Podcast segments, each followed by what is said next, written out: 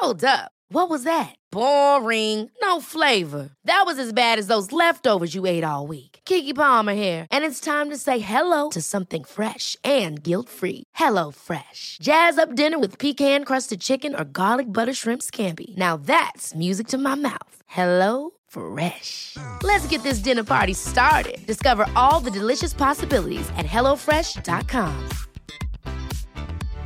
Ready to pop the question?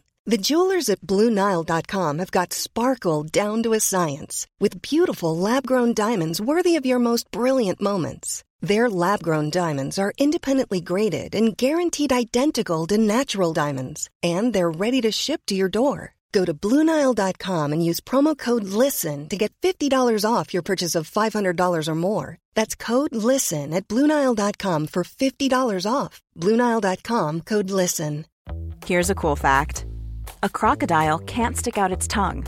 Another cool fact you can get short term health insurance for a month or just under a year in some states.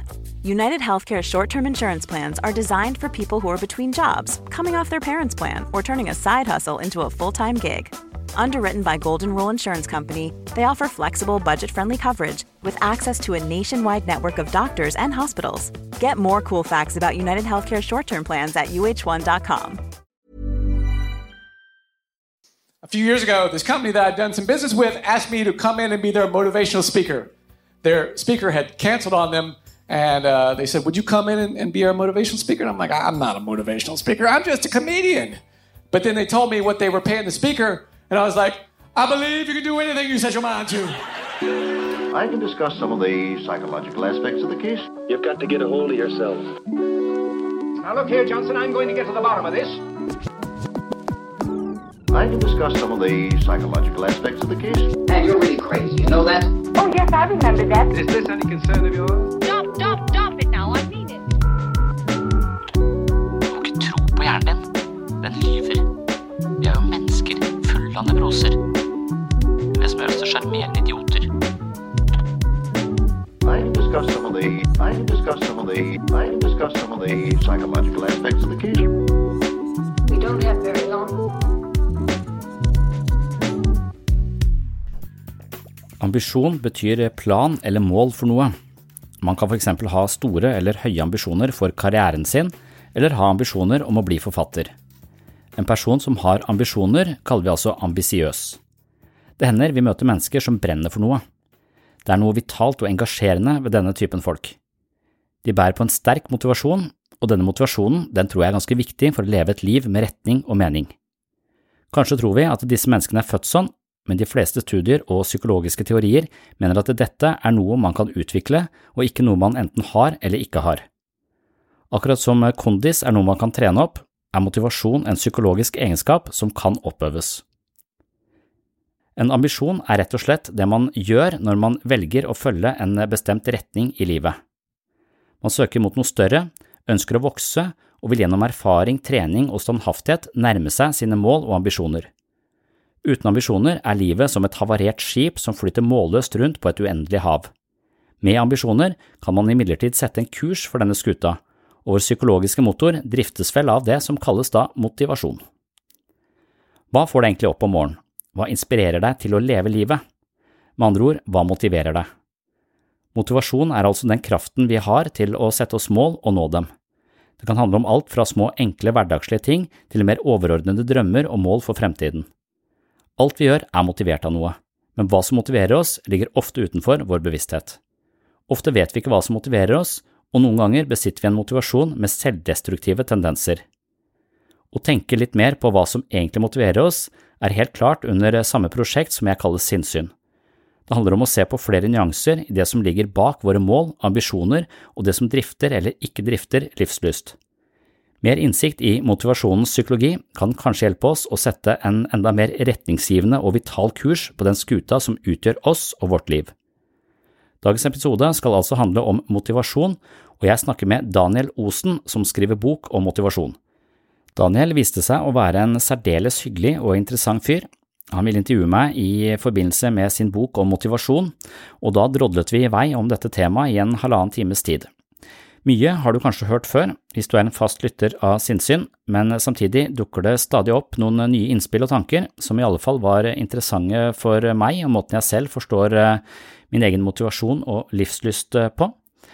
Og Daniel han var eh, ja, en veldig sympatisk og fin fyr. Hadde mange gode tanker, og det blir spennende å lese boka hans når den kommer i butikkene i august 2021, så vidt jeg forsto på han.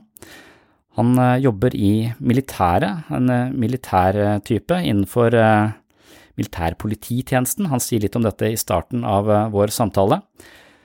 Så velkommen til en ny episode av Sinnsyn, og takk til Daniel Osen for en interessant samtale. Og før vi går til denne samtalen, så skal vi bare høre litt mer fra Larry Weaver, som da er en motivational speaker.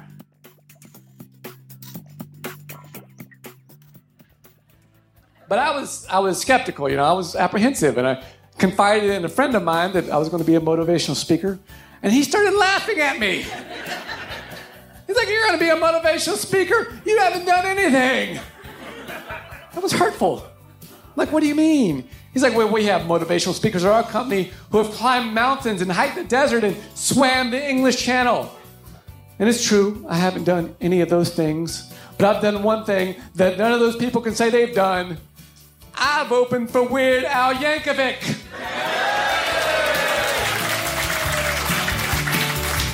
It's got to count for something. If I've learned one thing, it's that laughter is a powerful tool.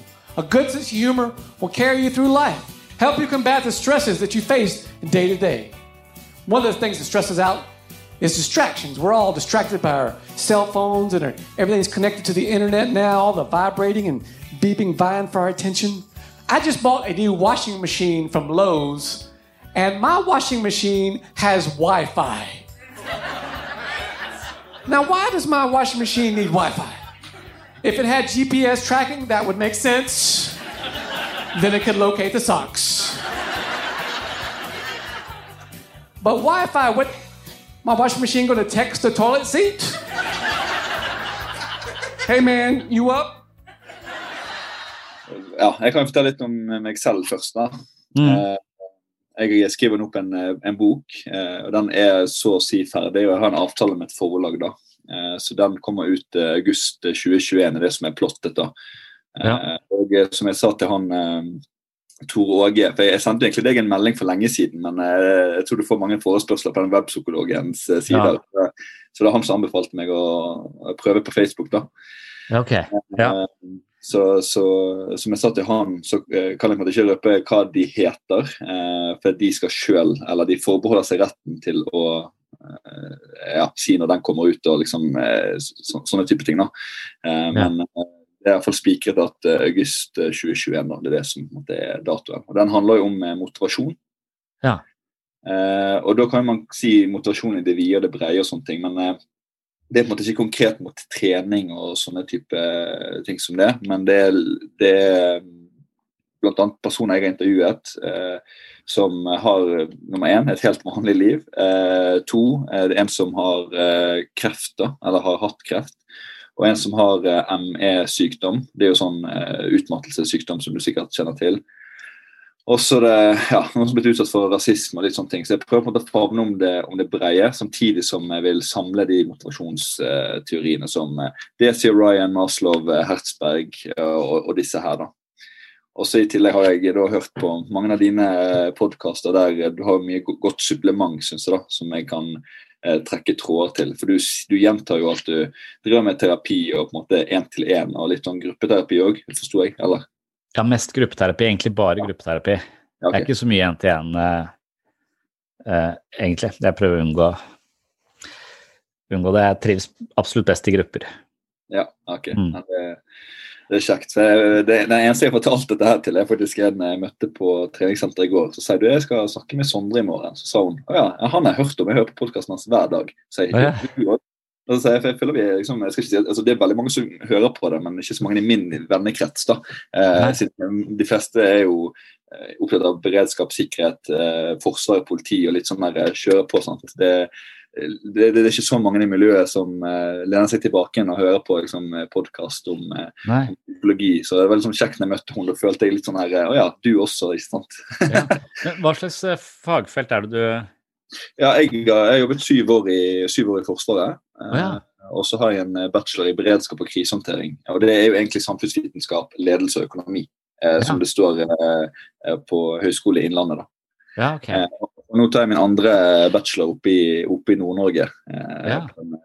her oppe. Så nå, nå kommer jeg faktisk nettopp tilbake fra eh, oppfriskningskurs i hjerte-lungeredning og eh, hjertestarter. Da. Så jeg bare sa at du, nå må jeg bare stikke, jeg skal, skal til legen. Eh, Ja. og så må jeg gårde, for da, da var på en måte 95% av kurset ferdig. da. Ja. Så, ja, det har vi eh, også sånn med jevne mellomrom. Sånn kurs i det. Ja, det er lurt, det. Men jeg har også vært i militæret. Jeg gikk på befalsskole i Stavern. Gjorde du det? Mm. Ja. Det var i 99? Nei, 98. Ja. Det var nok eh, ikke så lenge før den ble lagt ned. Uh, uh, ja. Luftforsvaret. Ja, jeg òg samme, bare på Skjevik i Kristiansand. Å ja, ok. Ja. Jeg tok i befalsskole der, og så fortsatte jeg videre. Eh, og så vet, vet jeg ikke om du har sett artiklene, men det har jo kommet fram Ja. noe. Jeg har jo jobbet som etterforsker i fire år da, i, i Forsvarets militærpolitiavdeling. og den avdelingen består jo utelukkende av eh, folk med politihøyskoleutdanning eh, eller annen type utdanning. Man får masse kurs med politiet osv. Så, videre, så jeg, jeg er jo farget av eh, gjengen der, kan du si. Eh, ja. der har jo man eh, avhør i straffe- og disiplinærsaker. da. Så nå i november 2020 så var jeg vitne i en eh, voldtektssak, og det har kommet ut i media, så det er ikke noe sånn hemmelig, hemmelig det, altså. Eh, som, som skjedde der. Så det, det er mange, mange spennende saker som vi har jobbet med, som er litt av mer alvorlig art. Eh, ja. eh, som jeg har trivdes med. Mm. Hvor er de Ja. Så jeg- jeg jobba på Gardermoen etter jeg, som i pliktåret. Jeg har gått den veien, du òg. Ja, jeg, eh, det var liksom litt tilfeldig. Det var, var litt sånn at jeg Først så skulle jeg liksom til Nord-Norge, og så hadde jeg en kjæreste, så hadde jeg ikke så lyst til å dra til Nord-Norge. Så da bare tenkte jeg at i Stavern, og så er jeg fra Tønsberg, så Stavern var i nærheten, så jeg søkte dit. Så hadde jeg egentlig bare tenkt å være der i tre måneder, for da hadde jeg hørt at hvis jeg kommer inn og sier at jeg ikke vil likevel, så kan jeg velge hvor jeg skal være hen. Det var det. Jeg hadde egentlig aldri fått verifisert det på noen måte, men jeg, jeg hadde hørt det. Og så var det planen, og så var jeg der de tre månedene, og så kom jeg inn, og da ble jeg liksom så stolt at jeg kom inn, så da fortsatte, fortsatte jeg bare.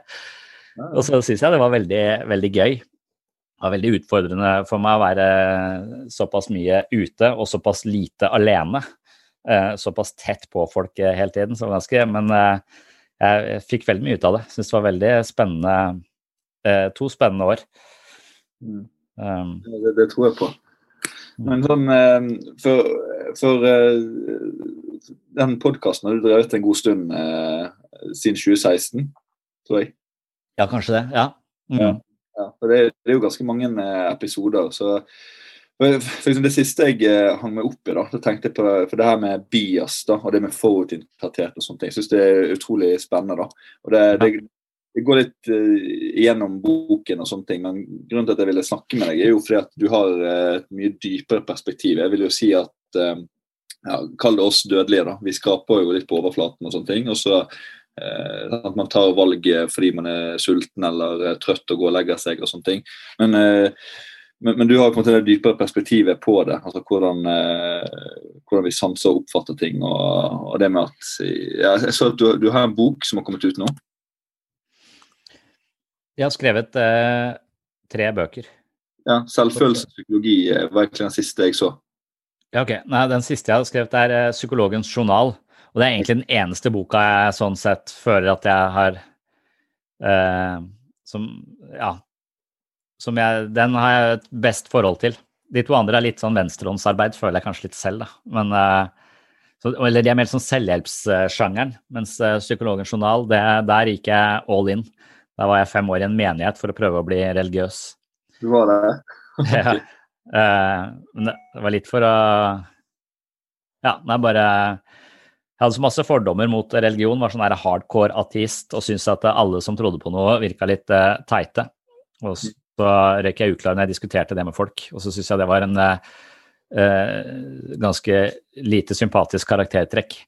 Så jeg tenkte at hvor er jeg dårligst? Jo, det er egentlig diskusjoner om religion. Så kanskje jeg kan prøve å bli litt bedre kjent uh, med det. Og så liksom anbefaler jeg alltid folk å gjøre litt de tingene de helst ikke vil, eller eh, byr dem imot på en eller annen måte. Så tenkte jeg prøve det selv. Så da, da var det å gå i dialog med, med mennesker som tror, eh, en ganske utviklende, men også veldig spennende for meg. For da fikk jeg muligheten å skrive om de store spørsmålene. Altså meningen med livet og døden og hva som skjer når vi dør. og ja. Jeg bare noterer litt, for det, det her var egentlig veldig interessant. Eh, for Jeg liker å ha det litt sånn flytende. Det er kanskje litt av grunnen til at jeg, eh, jeg sier at det er ubevisst. Kanskje det var bevisst likevel at jeg ikke sa ja. de eh, spørsmålene. For det, det, det er på en måte vel og bra å ha sånn skjematisk og, og tjo og hei, men eh, jeg syns det er litt artigere å på en måte følge, følge flyten. Jeg, mm. Du nevner jo at du hadde ja, du var en sånn hardcore artist. Hva var det som motiverte deg til å faktisk forstå, kall det den andre siden, eller å være fem år i en menighet for å se hvordan det var der? Ja, akkurat uh, det var, det, det, De to første bøkene var sånne selvhjelpsbøker. og Da hadde jeg en sånn periode, lang periode over mange år hvor jeg leste enormt mange selvhjelpsbøker. Uh, litt for å, for jeg brukte det inn i jobb. Så jeg, så jeg tenkte at det, her, er, faget er fullt av ideer, og selvhjelpsbøkene, de gode, har liksom vist oss hvordan vi kan implementere disse ideene i hverdagslivet vårt. Da. Så De er ofte litt mer overfladiske, men de er likevel ofte en verdi for folk. Da. Så var jeg litt interessert i hvilke ideer funker, og hvilke funker ikke. Så hadde vi det i grupper her på jobb. Og et av de tingene som funka uh, for meg, eller som jeg syns var viktig for meg, i hvert fall når jeg var sånn student og litt sånn uh, ja, ideologisk orientert og eh, glad i å diskutere, så leste jeg at man kan velge mellom å ha rett eller ha gode relasjoner. Og det er noen ganger jeg var mer opptatt av rett enn av gode relasjoner, og det så jeg på som en eh, som, som viktig element. Og så, var det også et annet tips som sa gå, prøv å gå inn i forsamlinger og tenk at du er den eneste som ikke er opplyst, eller at alle andre mennesker har, har noe du kan lære, enten om deg selv eller om de. Så det er en annen holdning i møte med mennesker enn en sånn konkurrerende jeg skal ha de beste argumentene eller jeg skal være den mest interessante i denne, i denne relasjonen. Jeg oppfatter det som ganske sånn modne uh, målsetninger som man kan strekke seg etter, som jeg ikke klarer å opprettholde hele tiden, men som, uh, som er interessant å strekke seg etter. Og det da å gå inn i de, uh, de diskusjonene med Jeg har en podkast som, som, det er en sånn 20-30 jeg vet ikke, kanskje 20 episoder hvor jeg, hvor jeg på en måte krangler, en, en, vennlig krangling med en pastor i 20 timer om hvorfor jeg ikke tror på Gud, og hvorfor han tror på Gud. Og så kjører oss bare fast i de samme dilemmaene hele, hele tiden. Men, eh, men, vi har en god relasjon, eh, og vi liker hverandre. Selv om vi mener så forskjellige ting. Og jeg syns ikke han er dum. Eh, så, så, jeg har liksom, jeg syns han er smart, og jeg har respekt for han, så jeg har liksom fått et annet syn på, på, på, tro, og ser at tro har en absolutt verdi, og det var litt målet mitt. Også, for det er egentlig erfaring med fra gruppeterapi også. altså Du kan møte mennesker, og så kan du tenke for en kålpære, det er, vi har aldri, han har ingenting til felles med. Men det, det er alltid min erfaring at uh, hvis du blir ordentlig kjent med mennesker, så kommer du til å like dem på et eller annet tidspunkt. Altså, det er noen som er veldig vanskelig å like fordi de er redde, fordi de er avvisende, fordi de har masse traumer og drit med seg. Så de, de, de holder en sånn avstand. Men hvis du forstår det, forstår den konteksten og hvorfor de er sånn som de er, så, så er det, har jeg ikke opplevd å ikke ende med å like folk, da. Så, så jeg tenkte kanskje det med, med, religion også, at hvis jeg virkelig går inn i det og prøver å forstå det fra innsiden, da, leve i en menighet, være i en menighet og prøve å forstå det, så, så vil jeg kunne ja, så ville, vil det kunne endre både meg og, og holdningen min til, eh, til eh, troende. Pluss at, det var veldig, pluss at jeg sannsynligvis har en slags religiøs personlighet, hvis det fins. Jeg tror kanskje det fins. Det er noen som mener at det fins. Men jeg tror kanskje ikke det handler om religiøs personlighet. Jeg tror kanskje det handler om ulike sånne preferanser som jeg ikke vet om er medfødt eller ikke medfødt, men at jeg, at jeg f.eks. eh, ganske intuitivt eh, orientert istedenfor sansene. Jeg er ikke så opptatt av den virkelige verden. Eh, jeg er mer opptatt av ideene om den virkelige verden, så jeg, er, jeg er, liker meg bedre i det abstrakte enn det konkrete. Eh, og det tror jeg også gjør at jeg har en hang til å tenke på og spekulere på metafysikk. Så derfor så, så, så var det noe så, så opplever jeg at det er liksom i de religiøse sammenhenger du virkelig de tar de spørsmålene på alvor. da. Hva skjer når vi dør? Hva er meningen med livet? Altså Det er på agendaen deres. De snakker om det hele tiden. Og jeg tenker kanskje at det er viktige ting å reflektere over. Selv om jeg dypest sett tror at min liv er ganske meningsløst. jeg tror du egentlig det. Nei, jeg tror at livet er meningsfullt. Det er veldig meningsfullt, men jeg tror ikke Ja, det har jeg snakket om litt i det siste, at jeg, vet ikke om du hørte, men jeg hadde en samtale med en prest for litt siden uh, om, om, dette. Jeg savner nok å tro på en større overbygning på livet. Det er nok derfor også jeg liksom håpet at jeg kanskje skal kunne tro på noe. da, Bli overbevist om at det, det finnes en større narrativ.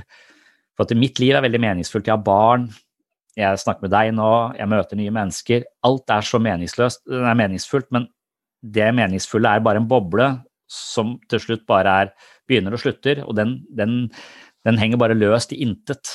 Utover det så er det ingenting. Så, så, det hadde føltes for meg Noen sier at det er det som gjør livet meningsfullt, fordi det har en begynnelse og en slutt. Men jeg syns det hadde vært vel så meningsfullt hvis det var liksom innvevd i en enda større narrativ. da. Eh, at vi f.eks ble gjenfødt som bikkje eller gris. Eh, sitat Raga Rockers. Men eh, ja. Nei, det, det, hadde vært eh, en større mening med noe. Og det, det, så det er liksom, kanskje liksom barnslig hang i meg til å, til å tenke og føle at det kan være viktig. Men ja. ja. Det, det, altså det er mye sånn ting du sier som jeg bare tar uthevet i, i fet skrift her, som jeg kommer tilbake til. For du nevner ett syn på, på, det her med tro og, og endre holdning. og my, Mye av det her har jo egentlig med motivasjon å gjøre. Men akkurat til det siste, for jeg syns det var litt interessant, det med øh, større overbygning og sånne ting. For jeg, jeg bare ser for meg, eller jeg vet hvordan den militære tilnærmingen er til det. Der er det veldig sånn her Ja, ikke tenk på det, drikk vann, så går det bra. ja. og, det, og, personlig, jeg syns det, det føles for konkret og eh, lite meningsfullt ut. da. Og så har vi på en måte du nå som forteller om det her. og Det blir, det blir veldig abstrakt igjen, men allikevel så søker du på en måte meningen. virker det som Sånn, At du hele tiden leter. Du vet jo at uh, du har barn og du vet at du har en god jobb, og sånne ting, så du er fullstendig klar over det og er utrolig bevisst. da. Uh, men samtidig så søker du, virker det for meg, da, sånn at du på en måte, hva er det som skjer? Hvor, hvor er den større overbygningen da, som du, som du refererer til? Ja, men jeg tror nok kanskje dypest sett at eh, den eh, motivasjonen der også er tufta på en form for lidelse. For hvis det er et sted jeg lider, så er det akkurat der. Altså, jeg har det bra på alle mulige måter, og har ingenting å eh, Jeg har sånn jeg har ikke noe, opplevd noen store traumer eller noe sånt noe, men, men jeg, kan, jeg, kan, få angst av typen Jeg holder på å kaste opp når meningsløsheten slår meg, når det slår inn for, fullt alvor, eller eh, når døden på en måte melder seg på en eller annen måte. Jeg syns de to tingene henger litt sammen for meg. Jeg er kanskje mer redd for det meningsløse enn døden.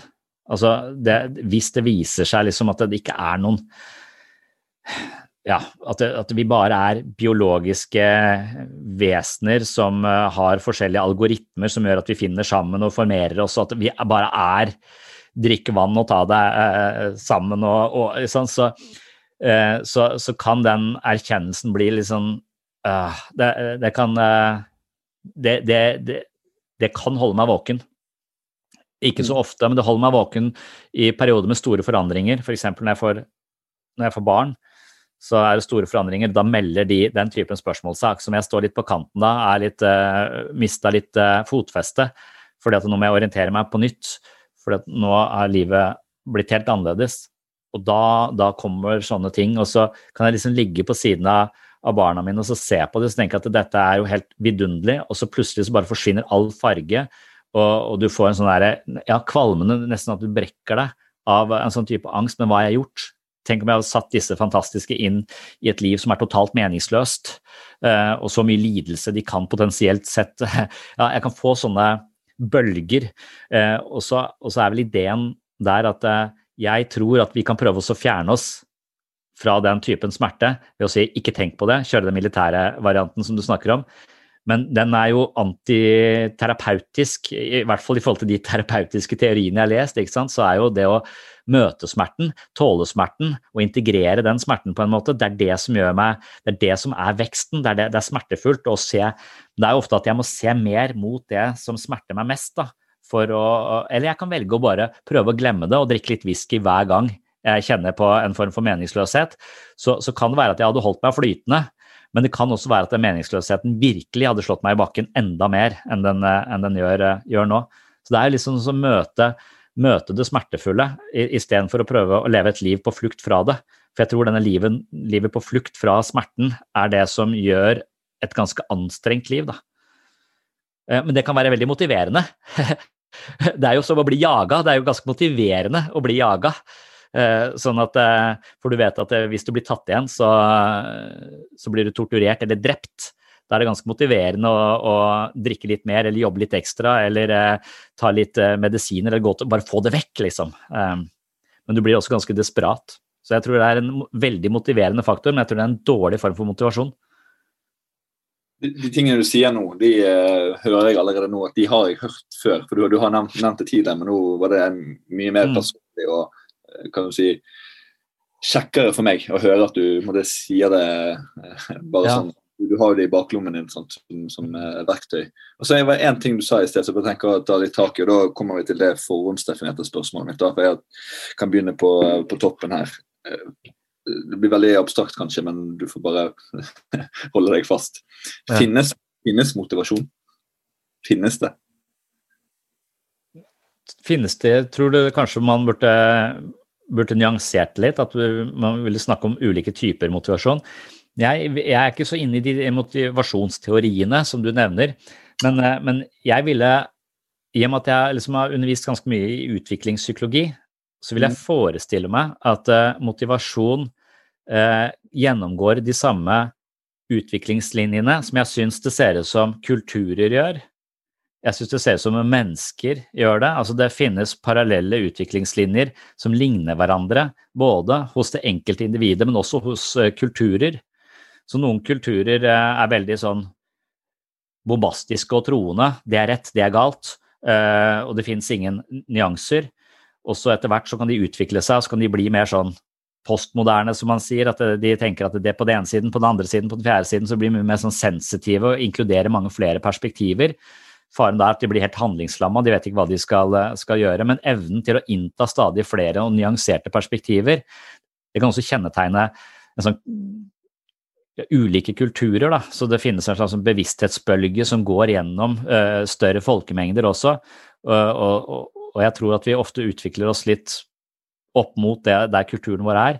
Men i det enkelte individet så vil vi også utvikle oss fra å tenke veldig konkret, eller alt svirrer rundt meg og min, eh, min, eksistens. Eh, jeg kan styre verden med tankene mine. Hvis jeg vil ha mat, så kommer det mat. Og så til å skjønne at eh, maten kommer jo fra en annen person som også har sine behov, som må innta et nytt perspektiv, du må ta hensyn til det. Så, så, det er mange sånne distinkte utviklings... Enten du kaller det faser eller eh, trappetrinn, eller det er forskjellig hvordan man tenker om det. Men så ville jeg mistenke at motivasjon er noe av det samme. Så at det også bare Hvordan får jeg god motivasjon? Det er litt som å spørre hvordan blir jeg voksen? Uh, og hvis du skal gi et barn et oppskrift på å bli voksen, så må den nødvendigvis være ganske komplisert, den, eh, den, oppskriften. Jeg tror helt sikkert man kan veiledes og få gode tips og råd på veien til å bli, til å bli voksen, men jeg tror jeg reagerer nok litt på bøker eller på teorier som sier uh, sånn får du god motivasjon. Altså uh, litt de derre kjappe, kjappe triksene for å få god motivasjon. Men i og med at jeg er så tilhenger av sånne selvhjelpsbøker, så mener jeg kanskje at det har litt for seg, det òg, da. Eh, at det er litt sånn eh, Men for, for det, du kan jo bruke den typen litt mer sånn overfladisk motivasjon til å, til å hacke deg sjøl, hvis, hvis, du er interessert i det. Du, bare det vi, vi, vet kanskje man kan si at eh, mennesker er mer motivert av å miste noe enn å få noe, på en måte. Og det, det kan man jo bruke i markedsføring. Altså, hvis du tror du går glipp av et stort tilbud, så er det mer motiverende eh, enn hvis du, eh, hvis du bare ser et, et godt tilbud. Det er liksom den følelsen av å, å gå glipp av noe, den er mye mer motiverende. Det er du jo det har du sikkert vært inne på, det er masse sånne studier som, eh, som sier det. Det siste jeg leste om det, var liksom ja, en, en lærere som fikk beskjed om at eh, hvis du, får, hvis du hever eh, klassen din i matematikk eh, en karakter i løpet av det neste året, så får du en bonus. Og så var det den andre gruppen, de fikk bare bonusen med en gang, og sa at denne bonusen den får du beholde hvis du klarer å heve klassen din i matematikk. Og da var det en helt klar forskjell på de to. De som skulle, de som kunne få en bonus der fremme, de eh, klarte ikke, de gjorde det ikke like bra som de som eh, hadde fått bonusen og sto i fare for å miste den. Så det å, frykten for å miste noe du allerede har, er, er mye mer motiverende. Altså, så det tenker jeg på sånn, ok, det er interessant, det er litt sånn på menneskelig bias-nivå. Det er verdt å vite at vi, at vi er skrudd sammen på den måten, og det betyr også at vi kan avsløre en del elementer ved oss selv, og vi kan kanskje bruke de aktivt for å, for å finne mer, mer motivasjon. Men, men, det tror jeg er litt sånn Det er litt sånn teknisk, sånn mentalteknisk, som kan være litt artig og gøy. Men virkelig dybde og en virkelig sånn motiverende Eller det å leve et ve veldig meningsfullt, føle en dyp mening i livet, det tror jeg ikke kan fikses med den typen teknikker. Der tror jeg man virkelig må, må må gjennom utviklingsfaser.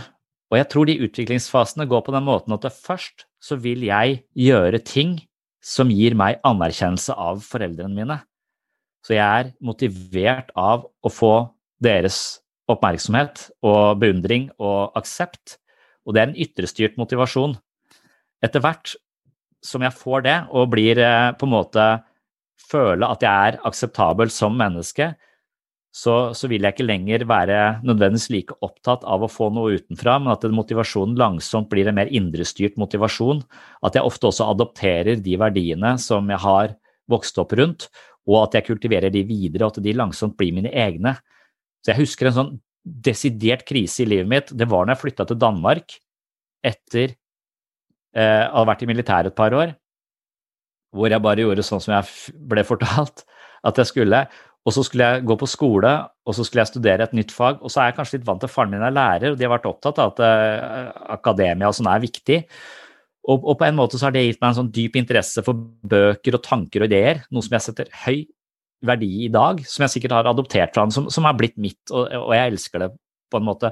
Men når jeg da skulle få karakterer uten at uh, foreldrene mine eller noen andre var der til å se de karakterene, at jeg fikk de karakterene for min egen del, og ikke for noen andre, det, det var forbundet med en sånn liten Hvorfor i helvete skal jeg gidde å gjøre noen ting hvis det bare er for meg, liksom? Altså at, jeg, at jeg, måtte, at jeg måtte, finne den uh, Overta det på egen hånd. At jeg er motivert av meg sjøl og ikke av disse ytre omstendighetene.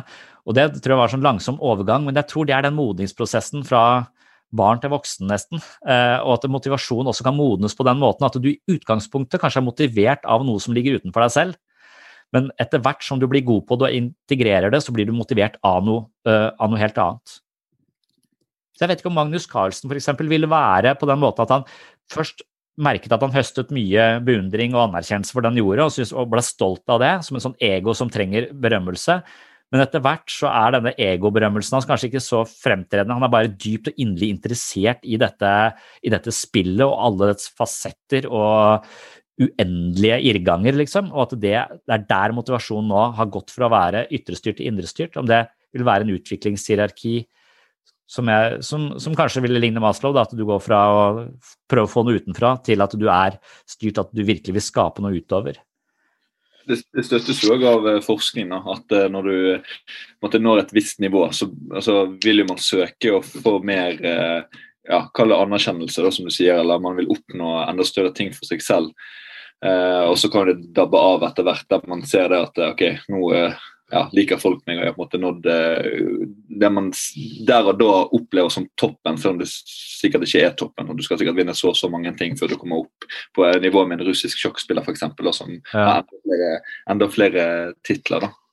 Eh, For, for grunnen til at jeg spurte deg på en litt sånn eh, abstrakt måte, for at jeg har tatt litt selvkritikk og spurt eh, venner og bekjente om de kan gi meg tilbakemelding når jeg har hatt eh, intervjuer og sånne ting. Og jeg, eh, jeg er jo fæl til å mase, sant? så da tenkte jeg sånn at nå, nå stiller jeg bare spørsmål sånn som det, uten å eh, legge noen ord i munnen på den andre. Fordi påstanden er nemlig Eh, som sikkert du òg har hørt før, at det her med at eh, motivasjon finnes det egentlig. Det er jo egentlig kun snakk om dedikasjon.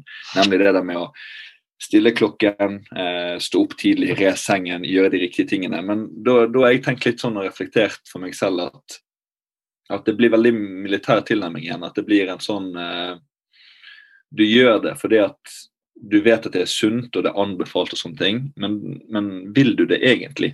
Ikke sant? Eh, så når jeg har fått den påstanden med at ja, men motivasjon eh, finnes jo egentlig ikke, det vet jo du også, Daniel. Det er jo egentlig dedikasjon. Det handler om å ta seg sjøl litt i kinnet og, og sånne ting. Så jeg har sagt det at til en viss grad så tror jeg på det, men samtidig så sitter på en følelse at det, det må være en stemme inni deg da, som eh, hvisker litt rolig til deg at eh, at hvis du har lyst til å bli eh, ja, psykolog, da, som du har blitt, eller lege, eller et eller annet, så, så, så, må du gjøre de her tingene her. Og det må være gøy i tillegg. Du må få den der Oi, dette her var kjekt. Det å lese det ga meg mer kunnskap, som førte til at jeg kunne snakke med andre om det. Og det ga meg en god relasjon, som gjorde at jeg kunne lære dette bort til andre seinere. At det er en sånn sirkel der, da. Ja. Det, det bare noe jeg har tenkt på. så jeg, Derfor tok jeg spørsmålet først, og så den dedikasjonsdelen etterpå. Jeg vet ikke, Har du noe å si til det? Men sånn som Freud, eksempel, eh, er jo kjent for å si at all atferd er motivert. Det er jo ikke en eneste ting vi gjør som ikke er motivert av noe. Og det han er kjent for, er å, å si at men du aner ikke hva den motivasjonen er i de fleste tilfeller. Det har du fortalt om før. Ja. ja sånn at, sånn at det å komme i dybden på seg sjøl, det handler om å hele tiden bare finne ut mer av årsaken til at du gjør akkurat det du gjør. Hvorfor liker jeg akkurat det jeg liker? Hvorfor er mine preferanser akkurat sånn? Hvorfor reagerer jeg sånn i de og de situasjonene? Hva motiverer min atferd? Det er egentlig hele psykologifaget. Hva motiverer atferden min? Kom, men når jeg forstår sånn, når du sier motivasjon så Hvis du har god motivasjon, så tenker jeg at det, det er ting du gjør med letthet. At det er, det er ting som du, som du hele tiden Eh, som du har eh, et slags eierskap til, og som du eh, iverksetter med letthet, og det gir en god avkastning. Du får en god følelse av å, av å gjøre det. Og det for meg så er det Jeg vet ikke om Jeg ville nesten Jeg lurer på om, det, om man ville skille mellom når, jeg snakket om dette før, også snakket om at sånn som Freud mener vi er motivert av av sex, egentlig. Eh, og så sier eh, Nietzsche eh, makt, og så sier Viktor Frankel mening. Og, for meg så er det meningskomponenten som virker som den mest si, modne, eller i hvert fall den motivasjonen som jeg vet at eh, gir størst livsglede hos meg. For hvis du har viljen til makt, da, som, som Nietzsche snakker om, så er det den konkurrerende eh, motivasjonen. Når jeg spiller squash, så spiller jeg ikke squash for å tape. Jeg er motivert av å knuse den andre. Men det er, og det er gøy der og da, men det er ikke en måte jeg kan leve livet mitt på, for det er for anstrengende. Jeg klarer bare en times tid. Men så tror jeg kanskje mange er veldig motivert av den typen konkurrerende virksomhet, og at vi kanskje har til og med et samfunn som hele tiden måler oss og veier oss, og vi sammenligner oss, som legger opp til en sånn type konkurransementalitet som kan være veldig motiverende, men det handler det er noe litt sånn asosialt med det. Så istedenfor å være sammen med et menneske og skape mening i fellesskap, bidra inn i en slags pott hvor vi sammen konstruerer en form for betydning og bevegelse, så vil man møtes for å se hvem som er best, og prøve å slå hverandre, så man er liksom ikke på lag. Så jeg skjønner at det er veldig sånn All idrett er jo motivert av uh, seier uh, og, og konkurranse. Mens fotball, så jeg er fotballtrener selv da, for, for dattera mi, så, så, så, kan jeg nesten stå på siden sant, av, av, uh, av, fotballbanen, og så kan jeg kjenne eh, hvor enormt opptatt jeg blir og oppslukt jeg blir av det spillet. Og så kan jeg nesten kjenne vari variasjonen i motivasjonen min. altså på, på den ene siden så mener jeg at jeg har en ganske sånn fruktbar motivasjon idet jeg tenker at det, oi, her er det uh, åtte jenter som, som, bare strutter av selvtillit, og de samarbeider, og de har på en måte gått opp i en høyere enhet. De er ikke enkeltspillere, de spiller sammen. Dette er, dette, dette er helt utrolig. Altså, altså, jeg kan glede meg over den entusiasmen jeg ser hos disse menneskene som plutselig har knekt en kode og klarer å spille sammen mye bedre. Og så kan jeg gå over til å tenke nå skal vi faen meg ta eh, Amazon Grimstad. Eh, for de er så sykt høye på seg sjøl. De alltid trodde at de er best og sånn. Og han derre treneren på, på RIL, han er som brøleape. Nå skal jeg vise altså, Så får jeg den derre vinne over-mentaliteten. Eh, som også er veldig motiverende og veldig sånn spennende. Det gir veldig livskraft, men den er ikke så sympatisk innstilt som den motivasjonen i å se hvordan eh, samarbeid og samhandlinga kontra konkurransen. Så, så, så sånn, sånn, driver jeg av og til og så monitorerer min egen motivasjon. Altså jeg tenker F.eks. å skrive en bok. da, Ønsker jeg anerkjennelse og status i fagmiljøet, eller gjør jeg dette fordi at dette er en meningsfull bevegelse som skaper en større dybde i meg sjøl i denne veien med å Altså, det blir praksisen for å, eh, for å vokse. Ikke for å bevise noe, men for å bevege seg. Og så tenker jeg at jeg er begge deler, eh, men jeg er på mitt beste når jeg er oppslukt av noe. Ikke fordi at og den ideen skal, må jeg fortelle verden om, eh, og de må synes at jeg er smart siden jeg forteller de den ideen. Men mer at det, og den ideen kommer til å ha den, Denne viste meg noe om meg sjøl jeg ikke visste fra før. Altså dette her, eh, her beveger meg. Eller dette berører meg det her var jo, i hvert fall det siste der, var jo, jeg fikk nesten litt sånn frysninger, eh, egentlig. For at, eh, det har jeg en sånn kort eh, historie, da. For det der med sant, anerkjennelse, eller om man vil gjøre det fordi at man eh, ja, har en større dybde i seg selv og en slags selvdrivenhet til å gjøre dette her. Da. For da, da var jeg i, i, Tyrkia i 2019 da, med, med, en venn av meg. Og hvis, det, hvis, han hører på nå, så vet han nøyaktig hvem, at, at det er han. da, og Vi, vi satt der på solsengen, og så drev vi og Mm. Daniel, nå får jeg en sånn uh, internett uh, ustabil. Tror, kan ikke du bare starte den, uh, den fortellingen en gang til? For, for, jo, for meg. Ja, absolutt. Jeg satt uh, i Tyrkia, da, meg og han vennen min. da. så hvis han hører på nå, så, så, vet jo han selv hvem han er. Og Da, drev jeg og klagde litt på meg selv om at nå har jeg skrevet på den boken i så mange år, altså vi snakker seks år på det tidspunktet, fem-seks år. jeg blir jo aldri ferdig, hva er det jeg holder på med, hvorfor gidder jeg, bla, bla, bla. Så sier han det at ja, men synes du det er kjekt å skrive? Synes du det er morsomt? Så sier jeg ja. Han, liksom, hva er det for et spørsmål? Er du helt idiot? ikke sant? Så sier han det at ja, men hvis du, hvis du liker det, og du fortsetter å skrive, hva, hva føler du da? Så sier jeg nei, det, det, gir meg mer mening. og Jeg får satt ord på de følelsene jeg har hver eneste dag. og Hvis jeg har sett noe som har betydd noe for meg, så får jeg skrevet det ned, og det gir meg eh, en motivasjon, og så går det hjulet rundt. Så sa han sånn Ja, men hva er problemet da? Og Da tenkte jeg sånn Hvem er du til å si det, eller å forenkle problem såpass mye, da? Men samtidig, når jeg reflekterte over det eh, seinere, så tenkte jeg at han har jo helt rett. Ja. For det er jo noe som driver meg, det er noe jeg har lyst til å holde på med. Det er jo derfor jeg skriver.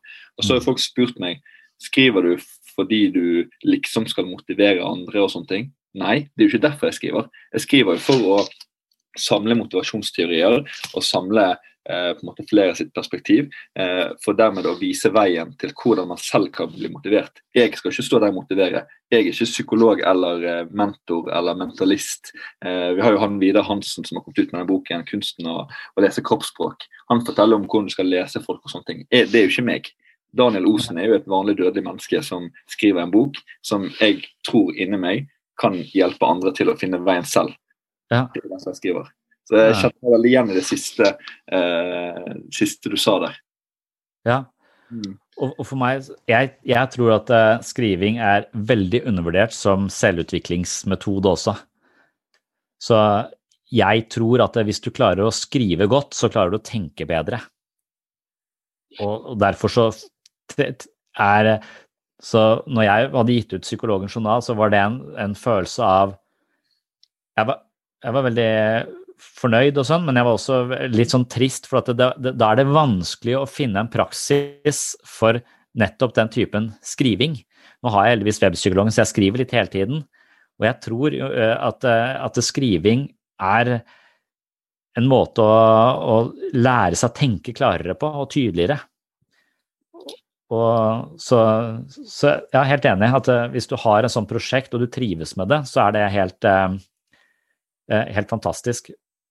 Men mange tenker jo hele tiden at de skal et annet sted enn der de er, som er den mer sånn selvfornektende måten å Når du skal utdanne deg Eller sånn militære, eksempel. Da tenkte jeg må bare bli ferdig med dette her. Men eh, det var jo Og nå driver jeg bare og mimrer tilbake hele tiden, hvor, hvor gøy det var, og samholdet og alle venner. ikke sant?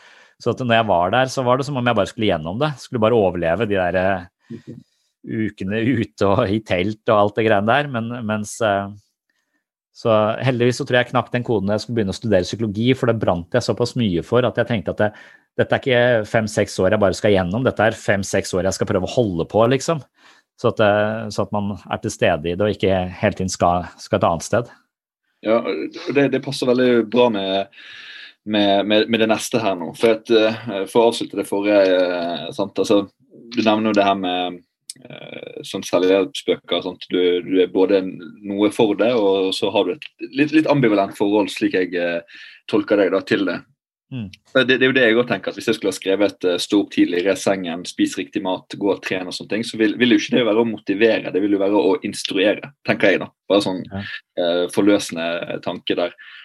Uh, men, men, til det siste du sa der. for Mange vil jo fra A til, til Å, og du nevnte det med å overleve, komme seg gjennom og ha høyere tanker om seg selv og, og komme til et eller annet nivå man ser for seg. da. og Jeg tenker at det er bra isolert sett, for det betyr at du har satt deg mål. Noe som betyr at du igjen er motivert, og gulroten er der. Eh, eller at du er redd for pisk. Sant? Pisk, gulrot, ja. motivasjonsteorien der. ikke sant? Ja. Men, men hva med å Istedenfor å gå fra A til Å, så tenker jeg altså Hvorfor ikke gå fra A til B, og så fra B til C, og C ja. til D? Og dele det opp litt på den måten der. Um, Noen sier jo at de skal lese en bok. For jeg har, har mange venner som er veldig glad i å trene, så det er ingen problem med det. Men så er det mange som leser så mange bøker, så sier de at ja, jeg skal lese to bøker denne måneden her. Så sier de at ja, men hvor mange bøker har du lest fra før av? Så sier de nei, null. Så okay, hva, hvis, hva hvis du begynner med én? Eh, 50 eh, av det målet, sant? det er én bok. Ja. Fra A til, eh, til B, eh, istedenfor å gå rett fra A til C med en gang. Ja. Hva, hva tenker du om sånn eh, konkretisering, eller å å forenkle veien til målet. Hva, hva, hva, tanker har du om det, eller erfar erfaringer har du om det? Ja, det er en eller annen sånn inspirator eller coach som har sagt at vi overvurderer hva vi klarer på ett år, men undervurderer hva vi klarer på fem. Så jeg har nok trives nok veldig best i mitt eget liv med ganske med veldig, veldig langsiktige eh, planer på, som jeg jobber bitte lite grann med hver eneste, eneste, dag. Jeg har heller ikke noe endemål, så, sånn sett. Men eh, jeg, jeg, tror et, eh, Med en gang man biter over for mye, så, så tror jeg man ofte kjører seg, kjører seg fast. Men, men det er også jeg, altså jeg, sånne tips og triks for å på en måte være mer motivert jeg, tror det, jeg tror det kan eh, hjelpe, men jeg tror det også er veldig sånn tufta på, eh, på, hva slags psykologisk grunnmur du har. For jeg tror at frykt er liksom gift for all form for motivasjon. Altså, for, uh, frykt motiverer deg til å trekke deg unna og gå i alarmberedskap og være på vakt. Og det er det motsatte av den motiverende kraften som også finnes i, i interesse og iver. Og så finnes det også en motiverende kraft i, i aggresjon i politikken. Når jeg vil at dette er urettferdig. Så, så, så aggresjon kan være en, en, motiverende kraft. Det er den kraften som handler om makt. Da. Det handler om statusorientering og ville noe, ville fram og ta plass osv. Så, videre. så Så det er den Nietzsche-varianten. Nietzsche Mens uh, denne mer Viktor Frankel-varianten er nok tufta på, uh, på den følelsen av interesse og iver og mening og søken. Så, så, så du, du, kan jo være motivert av alle følelsene vi har. Altså, vi har fire grunnfølelser. Vi har panikk, så har vi frykt, så har vi raseri, og så har vi eh, interesse og iver. Og, og, og frykt og panikk, det er eh, følelser som får deg til å trekke deg unna. Panikken, det er redd for å miste de du er glad i. Du blir sånn avhengig av å holde litt fast, du er redd for å bli forlatt. Frykten er redd for å bli angrepet eller tatt, eller eh, og, og raseriet, det handler om statusorientering og, å markere seg. Så det er selvhevdende følelser. Så jeg tror nok de, de motiverende er nok de selvhevdende følelsene. Mens eh, frykt og panikk det motiverer eh, til tilbaketrekning og resignasjon kanskje, og prøve å, å komme seg unna istedenfor å tørre å møte. Så den proaktive motivasjonen den ligger da i, eh, frykt i raserisentrene og i søke- og lystsentrene. Og for meg så vil nok den mest fruktbare eh, motivasjonskilden være søke- og lystsystemet. At det er det, den nevrologiske substratet til det Viktor Frankel kaller for eh, viljen til mening. Og det er motivert av en, av en søken utover en interesse, fordi du er trygg nok der du er. Eh, så er du interessert i å, å, å, å finne ut mer. Og hvis du har mye av det, så har du også evnen til å investere mening i noe.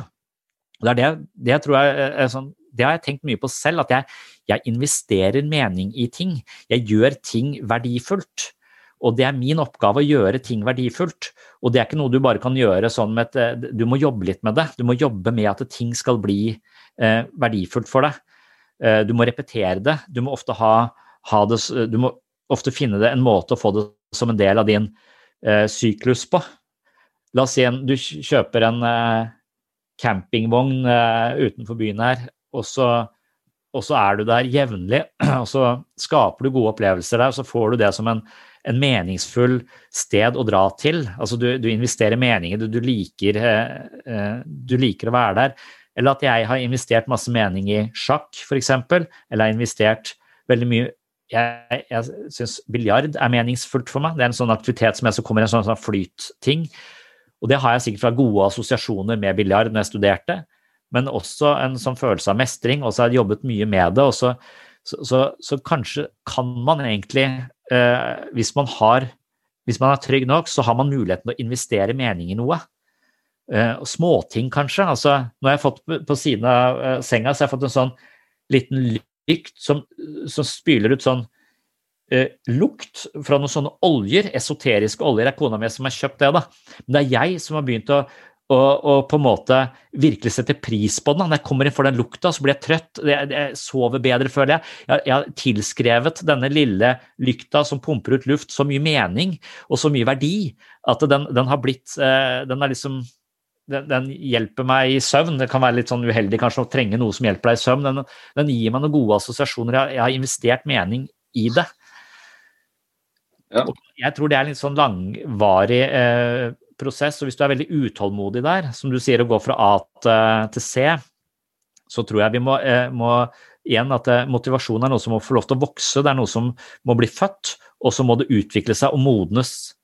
Eh, og hvis du er for utålmodig med det, skal bli voksen for tidlig, så blir du bare veslevoksen, og, og du går glipp av Jeg tror ikke at det, det er mulig å Vekst er alltid en bevegelse fra Det er en forandring hele tiden. Og at du, du kan bare hoppe rett opp uh, til den supermotiverte dette det, det, jeg, jeg, tror du må, må, bygge deg stein for stein. Og da tror jeg det å tenke les én bok istedenfor uh, ta for mye, at det kan være en, en god strategi på den, på den veien. Mm. Nå, nå, blir det å avsløre litt av boken, men jeg tenker at det er det må jo være lov. Eh, bare sånn, eh, Det er jo jeg som skriver den, tenker jeg. God damn. eh, for hvis jeg Jeg hadde lyst til å bare ta, ta, det mens vi snakker om det. For den ene personen der eh, har jo den sykdommen ME. Og det du skriver, eller det, det, du sier, men jeg skriver her, eh, det med å ha et meningsfylt sted å dra til, at du opplevde biljard, som er noe du mestrer. Det støttes jo av DC Ryans eh, motivasjonsteori, bl.a. Og dette kan, som du òg sier, virke som småting, det med campingvogn og sånne ting, men du investerer tid i det, for det gir mening og gir glede, og du får en god assosiasjon til det. Eh, så blant annet en ting som denne personen har fortalt til meg, da, er jo sånn Hva er det som motiverer meg til å egentlig bare eksistere? Og husker jeg tenkte at For meg så var det spørsmålet så uh, diffust, fordi at jeg har den følelsen hver dag. Jeg, jeg, vet hva jeg skal, jeg vet hvorfor jeg skal det. Uh, når jeg trener armer, så får jeg større armer, eller når jeg leser en bok, så får jeg mer kunnskap. Men eh, man kan jo kalle det å være så langt nede, men det er ikke sånn jeg opplever den personen. Personen har et godt forhold til sykdommen, vet begrensningene og er utrolig bevisst, eh, vil jeg påstå. Men likevel så kommer det spørsmålet hvorfor er jeg til, eller hva, hva er målet med livet, og litt sånne, litt sånne spørsmål som det. Fordi at man ser at andre på Instagram, på Facebook osv. de løper, står på ski, spiser mat ute i skogen og, og studerer. Men så har man selv hoppet av gjerne på videregående fordi at uh, sykdommen tar så stor plass av livet ditt da, at det, det blir noe å forholde deg til.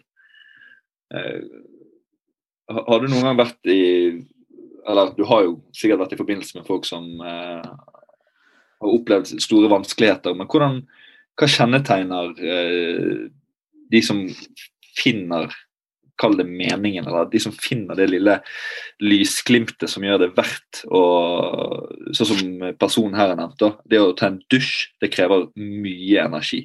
Etter den dusjen så kan det være at personen går og legger seg. Ikke sant? For meg er det helt urealistisk. Det er sånn OK, det, så, det krever så lite fra meg, men så mye fra den personen. Har du sett noe av det? Altså det der med å finne de små lysglimtene i hverdagen? Ja, Hvis man snakker om motivasjon som en sånn uh, i et utviklingsperspektiv, ja. så er det jo ingen som tror at man kan utvikles i, uh, i et vakuum. Man kan ikke bare lese boka for seg selv.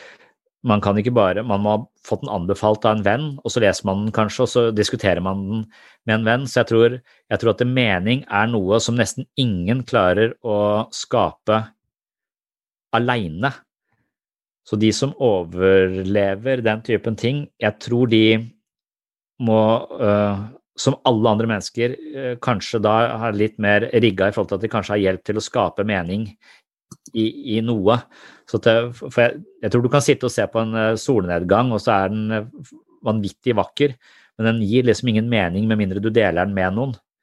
Og du kan liksom ikke bygge en pyramide heller aleine. Altså, det er et uh, fellesskapsprosjekt, så det er vel også noe av det som, som de fleste vil være enige om, at uh, hvis vi klarer å Altså, det som gjør oss til mennesker, er at vi på en måte ofrer egne behov for et større gode inn i et fellesskap, så være delaktig i noe som uh, ja, være, en del av flokken og føle at vi er en del av flokken. For i, i flokk så kan vi skape mening i veldig mange ting.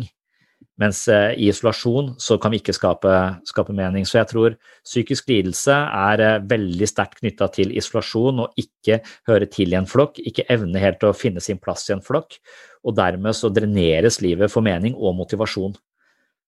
Så, så, så de som eh, det er, det er, ganske sånn forferdelig, akkurat den ME-sykdommen. Altså, det er vanskelig å vite hva man skal tenke om det, men bare det fakta at du, du liksom alle dine forbindelser til verden, det som forankrer deg i verden. og, som, som, og Det er jo disse ankerpunktene vi har i livet altså, som, som, gir det mening. Det er, når det langsomt bare kuttes vekk fra deg, du får ikke lov til å reise deg, du, du, du treffer kanskje ikke øh, folk lenger, ikke sant? Så, så, du blir jo Det er jo en måte å dø i livet på. Du er, du er nesten død, bare at du, du lever. Så det å kjempe seg tilbake fra en sånn uh, posisjon, hvis det er mulig, det, det må være Men jeg vet ikke så mye om eh, For det er så konfliktfylt, akkurat det ME-området. Så spørsmålet i hvilken grad man liksom kan eh, eh, Altså alle de psykologiske teoriene blir liksom eh, dementert i det ME er en utelukkende biologisk tilstand. fordi at det, evnen til å skape mening, evnen til å interessere seg osv., det kan de se på som noe som krever energi, og dermed er skadelig og gjør at du dør. Mens eh, psykologien vil tenke at ja, hvis ikke du gjør det, så dør du eksistensielt. Eh, så, så det, er liksom, det, det, er veldig, veldig vanskelig, vanskelig problem, problemstilling. Eh, men vi er nok eh, opptatt av å ha denne friheten til å eh, agere i livet vårt. Og, og det er jo den der å være proaktiv i livet som, eh, som, som er liksom hele clouet, føler jeg. Det å komme livet litt i forkjøpet, være, være eh, den som bestemmer og, og sitter ved, ved rattet. Det, majoriteten av de menneskene jeg møter som sliter psykisk, det er fordi de har kommet liksom litt i bakleksa. De føler at livet er et press. Presser, det er hele tiden det er krav her, det er krav der, det er krav der. For hele samfunnet er bygd opp på den måten. Og da føler de seg bare trengt opp et hjørne, og det blir en sånn passiv motivasjon. Du er motivert av å bare tilfredsstille det alle andre eh, mener at du bør og, og skal. Og da det er jo en, eh, en, en, sli, det er en motivasjon som fører til utbrenthet. Så de kommer liksom ikke og det, det å lære seg å velge hva man gjør, selv om det egentlig er ting man må, det, det tror jeg også er litt sånn, sånn clou også. Føle at jeg eier at jeg eier livet mitt, og at det er jeg som bestemmer, at det er jeg som sitter ved roret. Og det gjør jeg på mange sånne små måter uh, hvor, hvor, jeg Ja, men det er noe helt annet igjen, da. Men, uh, men jeg svarer f.eks. ikke på mail uh, alltid. jeg, det er merket. ja, at, men jeg prøver å svare så mye jeg kan, men, men, jeg har heller ikke lista så veldig høyt for å, for å klare å svare alt. for da, da, føler jeg at det blir en sånn ting som presser meg opp et hjørne. Så jeg må liksom eie det, og så må jeg svare når jeg har overskudd og anledning. Um, og så, så, prøver jeg å svare så godt jeg kan, men ofte så tar det litt tid før jeg, før jeg gjør det også. For jeg må liksom, ja uh, Jeg er redd for at livet skal bli noe jeg bare skal, uh, som bare pakker seg rundt meg og krever noe, krever noe av meg. Men ME-situasjonen syns jeg er vanskelig, vanskelig, virker som verdens verste sykdom, på en måte. Uh, hvor kroppen bare slår seg helt av. When you're ready to pop the question, the last thing you want to do is second guess the ring. At Bluenile.com, you can design a one-of-a-kind ring with the ease and convenience of shopping online. Choose your diamond and setting. When you find the one, you'll get it delivered right to your door. Go to Bluenile.com and use promo code LISTEN to get $50 off your purchase of $500 or more. That's code LISTEN at Bluenile.com for $50 off your purchase. Bluenile.com code LISTEN. Hey, I'm Ryan Reynolds. Recently, I asked Mint Mobile's legal team if big wireless companies are allowed to raise prices due to inflation. They said yes. And then when I asked if raising prices technically violates those onerous two year contracts, they said, What the f are you talking about, you insane Hollywood ass? So to recap, we're cutting the price of Mint Unlimited from $30 a month to just $15 a month. Give it a try at mintmobile.com slash switch. $45 up front for three months plus taxes and fees. Promo for new customers for limited time. Unlimited more than 40 gigabytes per month. Slows. Full terms at mintmobile.com. Hold up. What was that? Boring. No flavor. That was as bad as those leftovers you ate all week. Kiki Palmer here, and it's time to say hello to something fresh and guilt-free. Hello Fresh. Jazz up dinner with pecan-crusted chicken or garlic butter shrimp scampi. Now that's music to my mouth. Hello Fresh. Let's get this dinner party started. Discover all the delicious possibilities at hellofresh.com. Ja, for, for det er sånn, Selv så har jeg ikke nok eh, kunnskaper om det, men jeg har jo forholdt meg til person over tid og eh, opplever nesten utelukkende positivisme. Men så er det disse igående, dyptliggende spørsmålene som jeg, jeg altså, jeg kan si jeg forstår, men jeg forstår jo egentlig ikke. Altså, jeg, jeg, forstår egentlig ikke. Og Man kan alltid si 'jeg forstår deg', men noen ganger så tenker jeg sånn Nei, nå, nå, nå sitter jeg og lyger. Jeg, jeg, forstår egentlig ikke. For meg er det å pusse tennene en helt eh, eh, energikostnadsfri aktivitet eh, som jeg bare gjør på automatikk. Men så blir fortellingen en annen når personen sier at ja, det her er såpass slitsomt at det blir eh, av og til. Noen dager så blir det sånn at da blir det sengen etter det. Så tenker jeg sånn, er det mulig? Sant? Og da er det det med så det, det som du sa, Vil du dø eksistensielt eller fysisk? For du mister mye av deg sjøl når når ikke du kan uh, være med på vanlige hverdagsaktiviteter. da. Ja.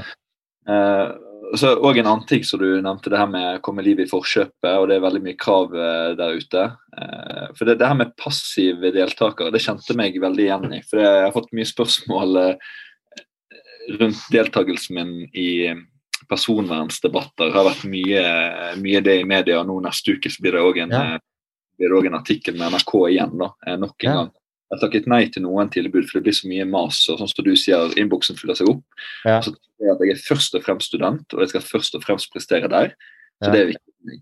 Eh, sekundært, eller på sidelinje med det, så er det boken. Ja. Tertiært, eller det under der, det blir personvernsdebatt. Og, og, Ja. og den. Men, men spørsmålet jeg har fått, er sånn Hvorfor gidder du? Eh, eller kanskje det har kommet sånn eh, Det har jeg opplevd òg, sånn at ja, men du er jo ikke en jurist. Så jeg, nei, jeg er fullstendig klar over at jeg ikke er jurist, men jeg har skrevet en 70 siders bachelor om eh, personvern med en god venninne der jeg intervjuet jurister. Så jeg har jo selvfølgelig innsikt i, i det, men når jeg har fått spørsmål om paragrafer og sånne ting, så trekker jeg inn juristene eller inn de som har eh, dybdekompetanse. For det er viktig å være ydmyk, tenker jeg da. Og, og ikke prestere over evne eller å, å, å, å tro at man er noe. Men poenget mitt, da, nå snakker jeg veldig bort der, det med å være passiv deltaker Jeg vil jo være en, en som kommer livet i forkjøpet, og som eh, deltar i samfunnsdebatten. Jeg tenker, Hvem er vi hvis vi ikke deltar i samfunnsdebatten? Jeg sier ikke at alle skal eh, snakke i, i VG og Dagbladet og NRK eller skrive bok for den slags skyld. Eh, på ingen måte så skal, eh, må man gjøre det. Men som, som vi har snakket om, da, det der med å snakke med andre. Ja, Hva tenker du egentlig om Donald Trump? Eller hva tenker du om, om korona som er ute og florerer? Det her samspillet mellom mennesker. da. Jeg har jo troen på det som, som du har referert til, at eh, det å dele opplevelser eller dele synspunkt, det er jo det som gjør at vi, vi lever. Ja. Det er et eh, engasjement, absolutt, å, å være engasjert i noe som man, man brenner for. Men, så, ja, jeg så det at du var sånn eh, i sånn person, eh, personvernsekspert, kan man si. Ja, Det er jo det er jo sånn ordbruk som jeg har sagt eh, til neste at det, det fjerner dere bare med en gang. For Det, det, det var jo ikke selvvalgt sant, på noen slags måte. Ja. Jeg, jeg husker med våknet opp eh, Da var jeg på, på tur til Ørlandet i Trondheim, og så våknet jeg opp klokken ti. Og så var det masse meldinger på, på, på Messenger. da, Og så sa jeg ja, personvernsekspert. Og så tenkte jeg hva er dette her for noe? ikke sant? Ja. Og Da, da, da tilegner de meg en egenskap som jeg mener selv at jeg ikke har. Ja.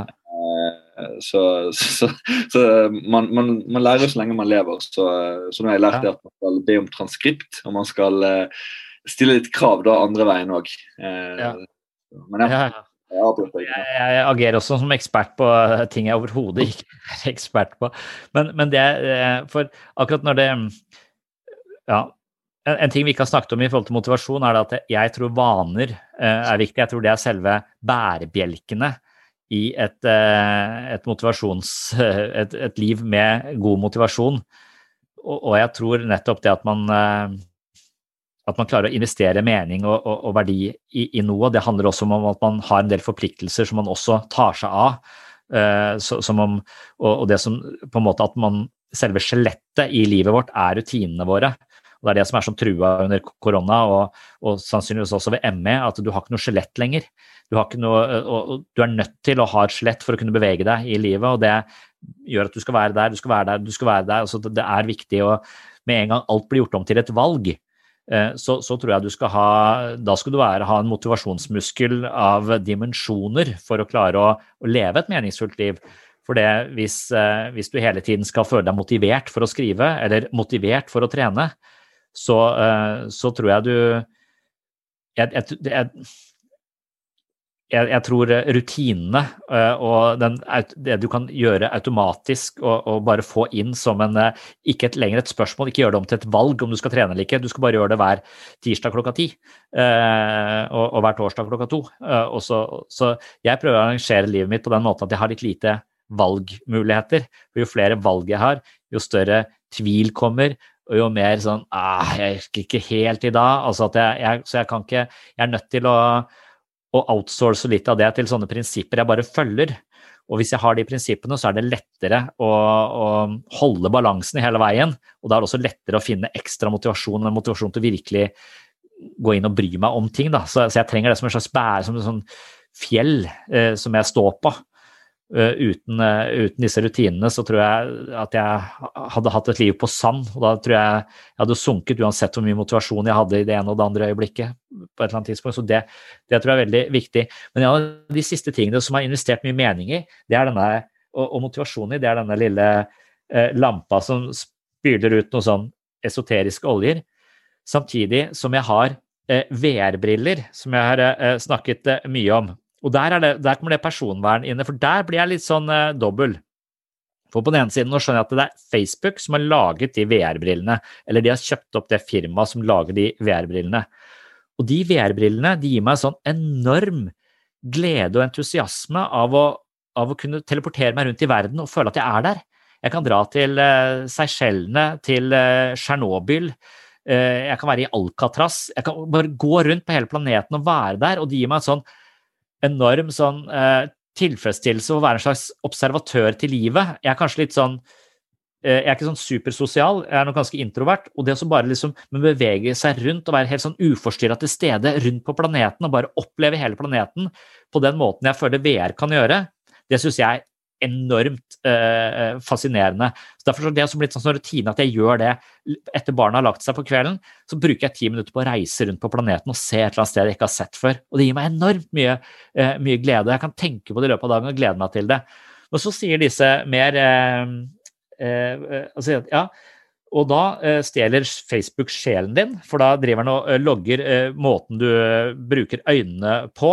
Den har noen sånne elektroder som måler hjerneaktiviteten din, og langsomt så blir du på en måte hjernevaska av disse algoritmene til Facebook, som vet mer og mer og mer og mer om deg, og til slutt så har de stjålet hele livet ditt fordi du har putta det i et fengsel som du har i lomma, og det er smarttelefonen din. Så de kommer til å langsomt monitorere deg. Og da er motivasjonen min outsourca til Facebook, for da, da, vil eh, de ha såpass mye hackingmuligheter at jeg eh, vil føle at jeg Kanskje jeg plutselig blir opptatt av eh, ja, jeg vet ikke, en eller annen eh, form for diett, bare fordi at eh, Facebook har skjønt at de som oppfører seg sånn som meg, de har lett tilgjengelig for den dietten, og den, den dietten det vil du gå inn på hvis du gjør sånn og sånn, og da tjener de og de penger. Så da har de solgt den informasjonen til noen som vil ha meg inn på en bestemt diett, f.eks.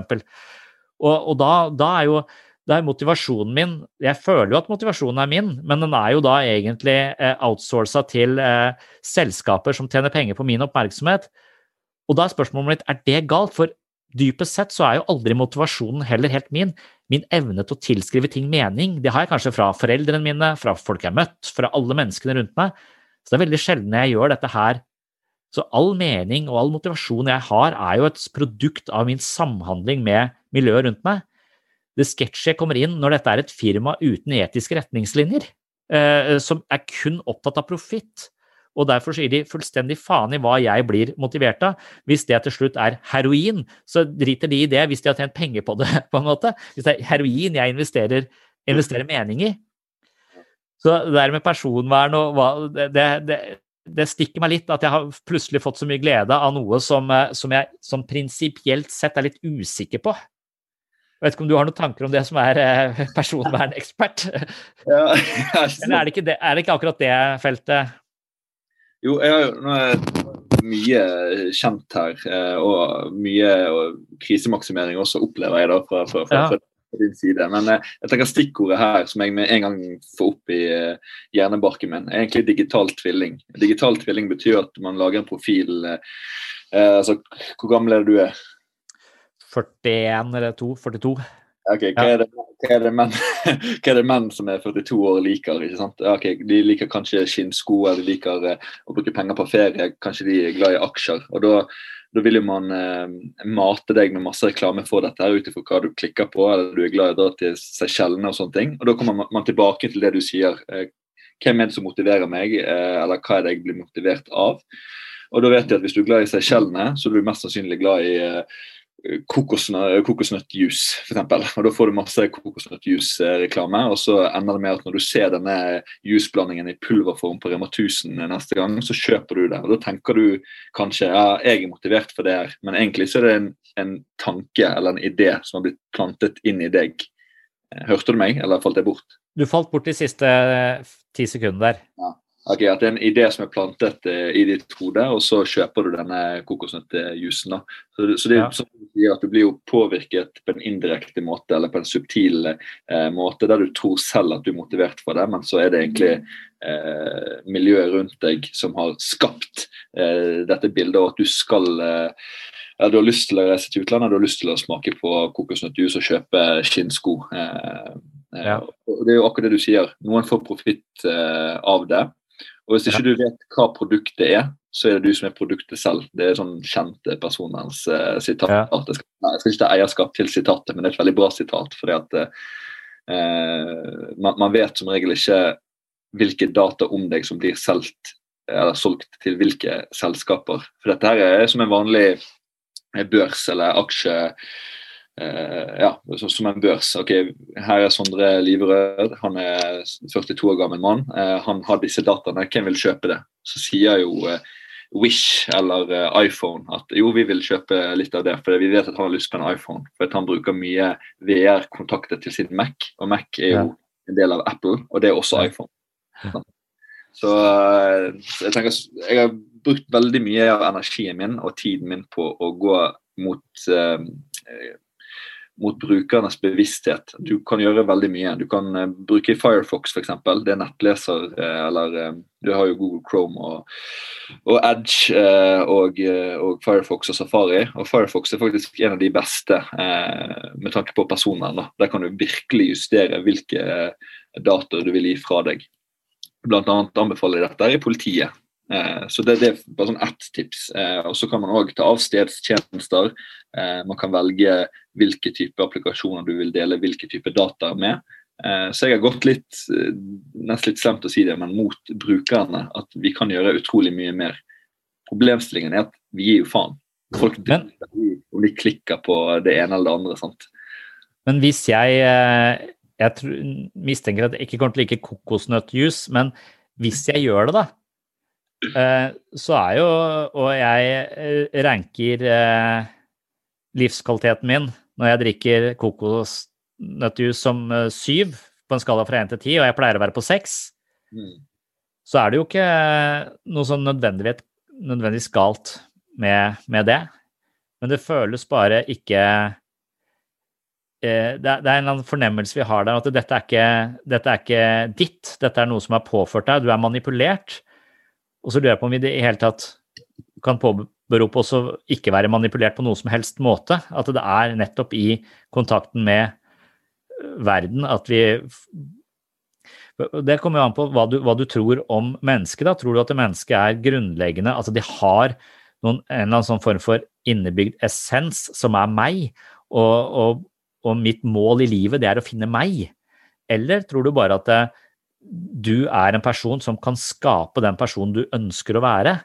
Så du, du, du, er, eh, du har alle muligheter til å skape den personen du, du, vil være, og den personen du vil være, den kommer til å være påvirket av alle de tingene du møter uh, underveis, og alle de tingene, alle de biljardkulene som dytter borti deg og nudger deg i ulike, ulike retninger.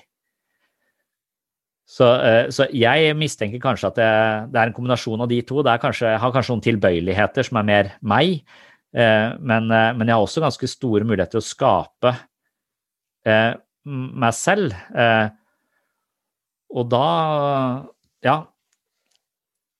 Og da, da tenker jeg vel hva hvis, det, hva hvis det fantes en hjelm? Da har du tenkt på sånne tankeeksperimenter? Hvis det, hvis det finnes en hjelm Vi vet jo at vi kan styre rotters hjerne, f.eks. Vi kan jo fjernstyre de, få dem til å gå til høyre og venstre ved å stimulere hjernen. Vi kan også få rotter til å hoppe ned fra høye steder, selv om de ikke liker å hoppe. Mm. Og på den måten så kan du få rotter til å hente eller lukte seg fram til dynamitt eller folk i ras osv. Så, videre. så det er mye man kan bruke, bruke, det til. Så man kan stimulere Men så kan man også stimulere menneskehjernen. F.eks. så kan man jo fremstille en slags religiøs opplevelse ved å stimulere hjernen på en bestemt måte. Du kan også aktivere raseri, kjærlighet. Det er mange følelser vi kan liksom stimulere og fremkalle kunstig. Og la oss si den teknologien blir så bra at du kan ta på deg en hjelm som gjør at du hver dag bare har lyst til å jogge, spise brokkoli, eh, leke med barna, ha all verdens tålmodighet. Altså at du, du kan bare få noen, eh, en programvare som du kjøper på apoteket, som gjør deg til en sånn derre eh, fantastisk person som gjør alt det riktige. Og du kommer sikkert til å leve jævlig lenge da også, for at du gjør alt det riktige og sånn. Men du blir et irriterende menneske, for det er mennesker som ikke gjør feil, er irriterende. Så, så det å eh, verdsette feil og mangler og, og flauser og alt det som gjør livet litt skakt, det, det, det tror jeg er en, eh, et, et, viktig element. eh, For den derre perfeksjoneringa og optimaliseringsideen som eh, ofte som syns jeg støter litt på, den, der, denne kjærligheten vi kunne hatt for, det, for det, det, som er feil, alt det vi ser på TV, alt det vi er interessert i, det er jo ting som går til helvete. Altså Vi ser på Bridget Jones ikke fordi hun er et perfekt menneske, men fordi hun er en fuck-up av dimensjoner, og at det, det er noe elskverdig ved fuck-ups, eh, på en måte, at det også er en sånn viktig, viktig verdi å, å ha med seg.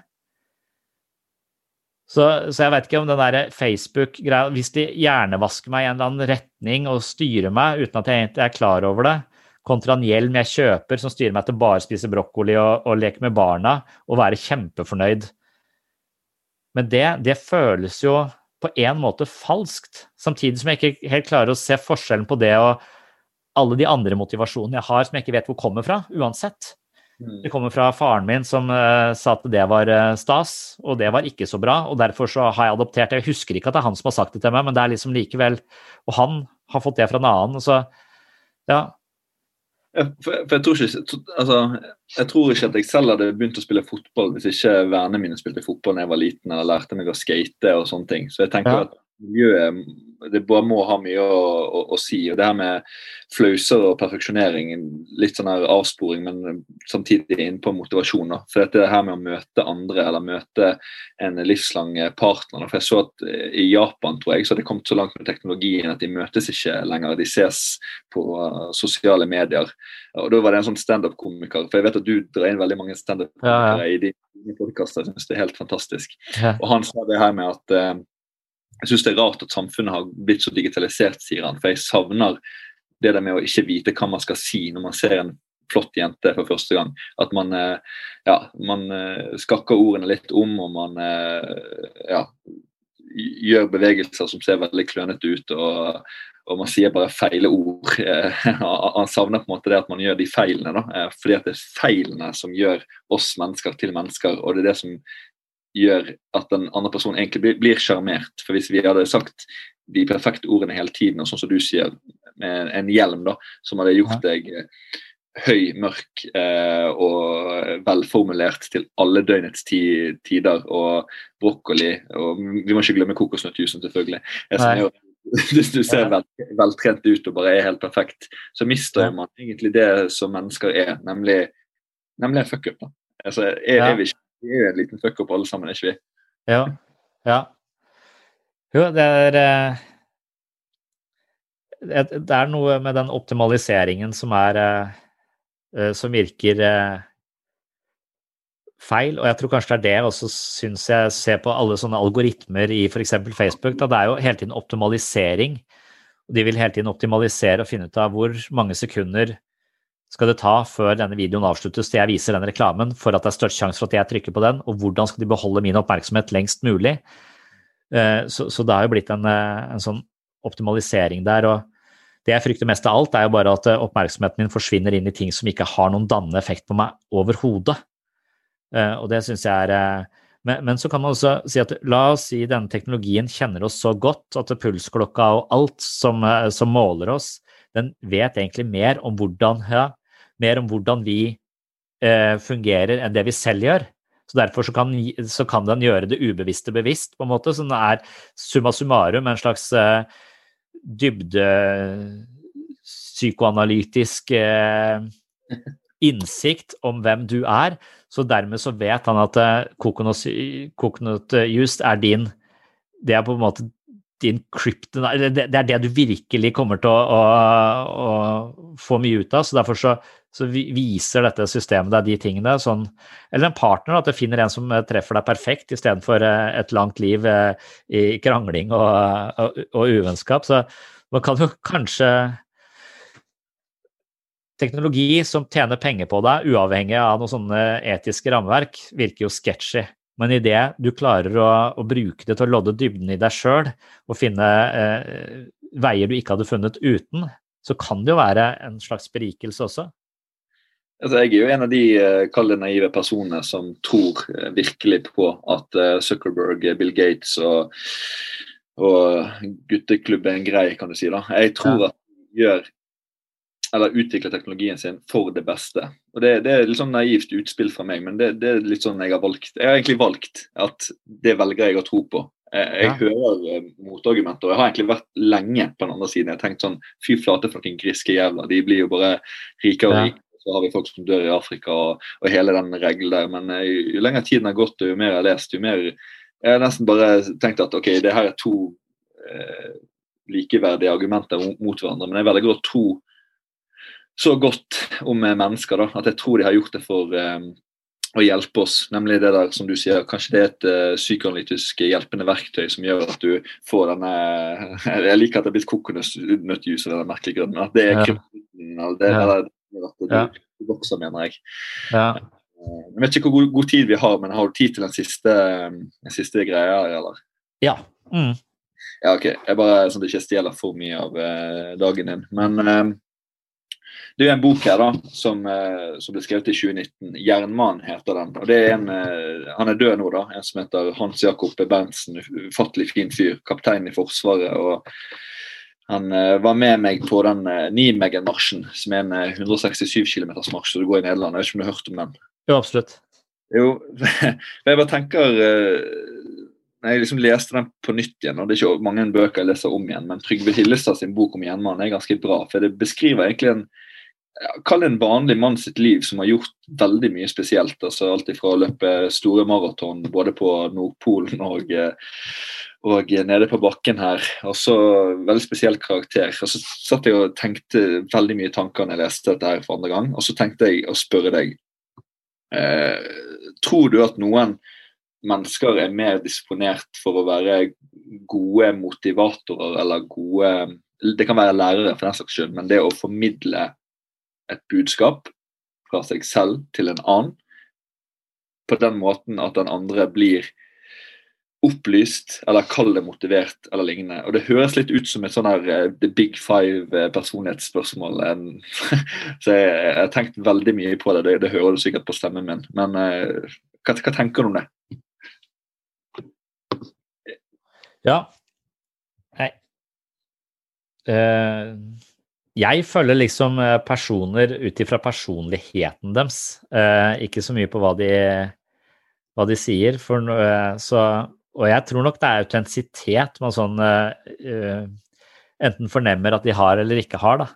Så ekte mennesker uh, som virker rimelig sånn gjennomsiktige, har jeg liksom en sånn veldig forkjærlighet for, og det tror jeg de fleste har. Altså jeg tror uh, vi liker de godt hvis de er oppriktige. Og, og de kan nok fungere, fungere bra når jeg, når jeg i mitt eget liv prøver å være Hva skal man si eh, Ja, en bra nok pappa, for eksempel, da. Så, så, eh, så tror jeg det, at eh, det er ekstremt viktig for meg hele tiden være i pakt med, eh, med noe jeg selv syns er gøy. For jeg må, Veldig mye av livet handler om å gjøre ting du ikke syns er så veldig gøy. Og jeg ser en helt klar verdi i å gjøre de tingene du ikke syns er så gøy. Men du er, du er nødt til å balansere det hele tiden, sånn at ikke det får overtak igjen. da. Så jeg er nødt til å leke med barna mine på en måte som gir meg noe. Eh, nå står vi på skøyter, ikke sant. Det syns jeg er gøy. Da kommer jeg tilbake til eh, barndommen og står på skøyter. Er- Og det merker de, så, så jeg tror de merker at jeg er ekte til stede. Mm, Mens når jeg da sitter og leker med dokker, så holder jeg på å dø.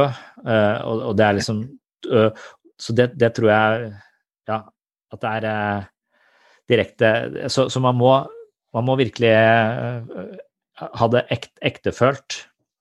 Så jeg tror nok vi fornemmer motivasjonen til de folka som er rundt oss, hvis de er motivert av beundring og anerkjennelse og, og salg av eh, bøker og egne kurs, så, eh, så, så tror jeg vi blir litt mer skeptiske eh, med en gang. Men med en gang jeg tror at vi, de virkelig brenner for det de holder på med, så, så, tror jeg at vi, vi, vi interesseres og kanskje motiveres mer av det. Og så tror jeg de fleste mennesker er på den skalaen mellom, mellom de to tinga. De ønsker å leve litt av det de holder på med, samtidig som de brenner, eh, brenner for det. Mm. Så, så den, eh, det også, og, og jeg tenker selv at det, det å være så oppriktig som mulig, samtidig som at jeg tror eh, Og det hørte jeg akkurat en sånn eh, Jeg hørte på en podkast som heter Very Bad Wizards. Eh, De hater sånn nebroforskning. Men, men, det var en sånn studie de tok opp som, som gir mening for meg. altså at De tingene vi hører som vi ler av, de husker vi bedre enn de tingene. Så jeg husker nok nyheter nyheter presentert av eh, Bård Tufte Johansen og Pernille Sørensen og Johan Golden husker jeg bedre enn nyheter jeg hører fra, eh, fra ja, Dagsnytt 18. Dagsnytt 18 ser jeg eh, på, men, men så, min måte å konsumere nyheter på nå i det siste har blitt type via podkaster igjen. At, at jeg syns de kanskje Marie Simonsen og eller eh, Anders Giæver eller noe sånt, når de er liksom, liksom løse i snippen og bare sitter og, og fleiper sammen med Thomas Giertsen f.eks. om viktige ting, så er det som om det har vært en, en uh, mye mer motiverende inngangsport til uh, nyhetsbildet.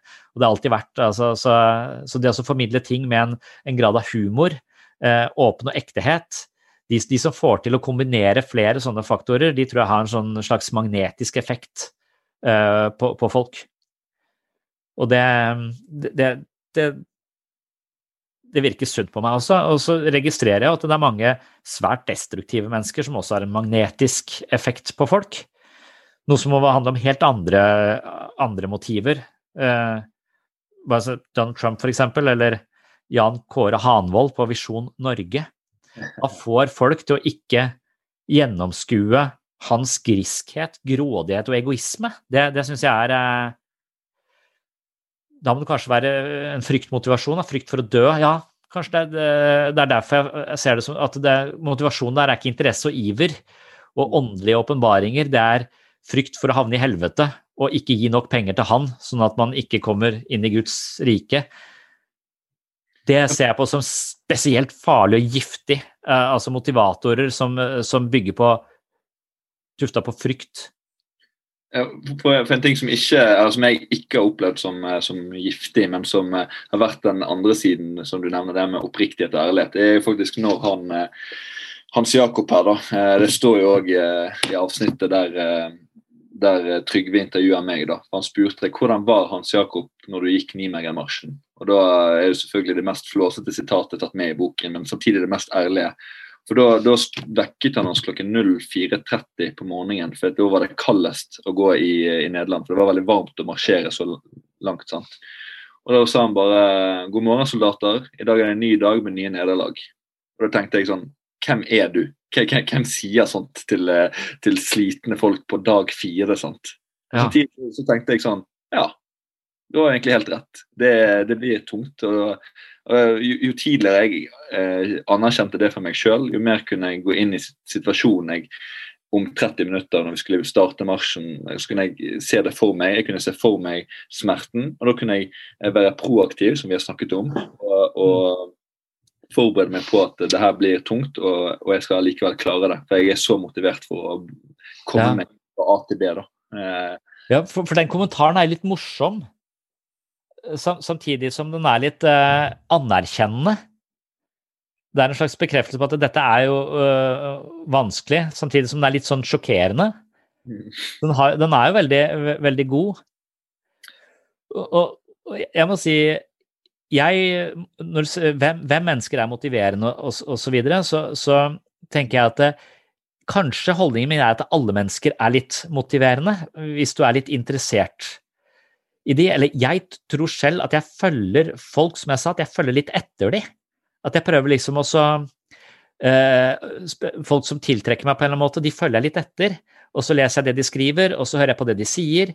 Og så, og så kommer det kanskje til et punkt hvor at jeg går litt en annen vei, men jeg har de eh, Jeg er veldig takknemlig for den veien jeg har gått sammen med de, selv om ikke de vet at jeg går sammen med de, jeg bare går etter de, enten at jeg leser alt de skriver. Jeg har liksom sånne guruer som jeg har følt sånn en som het Ken Wilberg, som jeg fulgte i alle år, og, øh, og, og som jeg har lest alt av, liksom, og som, som, bare øh, Men som jeg også innser er en sånn, har en del sånne sketchy øh, ting, ting, ved seg. Men, men det også hele tiden liksom se på folk som har noe annet enn det jeg har, eller bare folk som virkelig brenner for noe.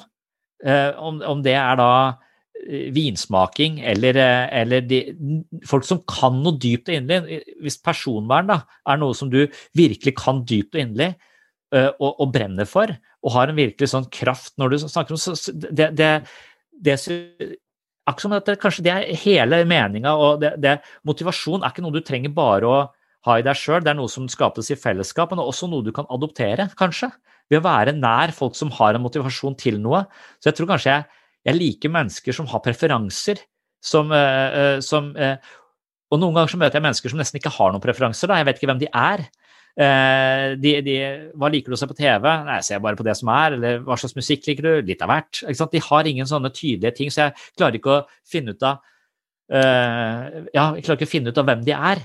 Uh, og noen tør ikke det å, å være noe, for de, de, er så redde at de har ikke kunnet utvikle noen form for, uh, for, interesse. Men de som virkelig motiverer meg, det er nok de som brenner. Og Det kan jo være for uh, venstrehåndshekling, altså. men bare det at du har funnet mening i livet ved å hekle med venstrehånd, det, det er dypt inderlig fascinerende for meg. Og hvis du har klart det, er det mulig for meg? Kan jeg gå litt på den veien, jeg også? Er det, er det noe, å hente, noe å hente der?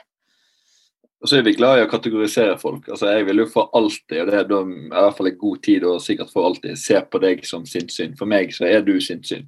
Ferdig.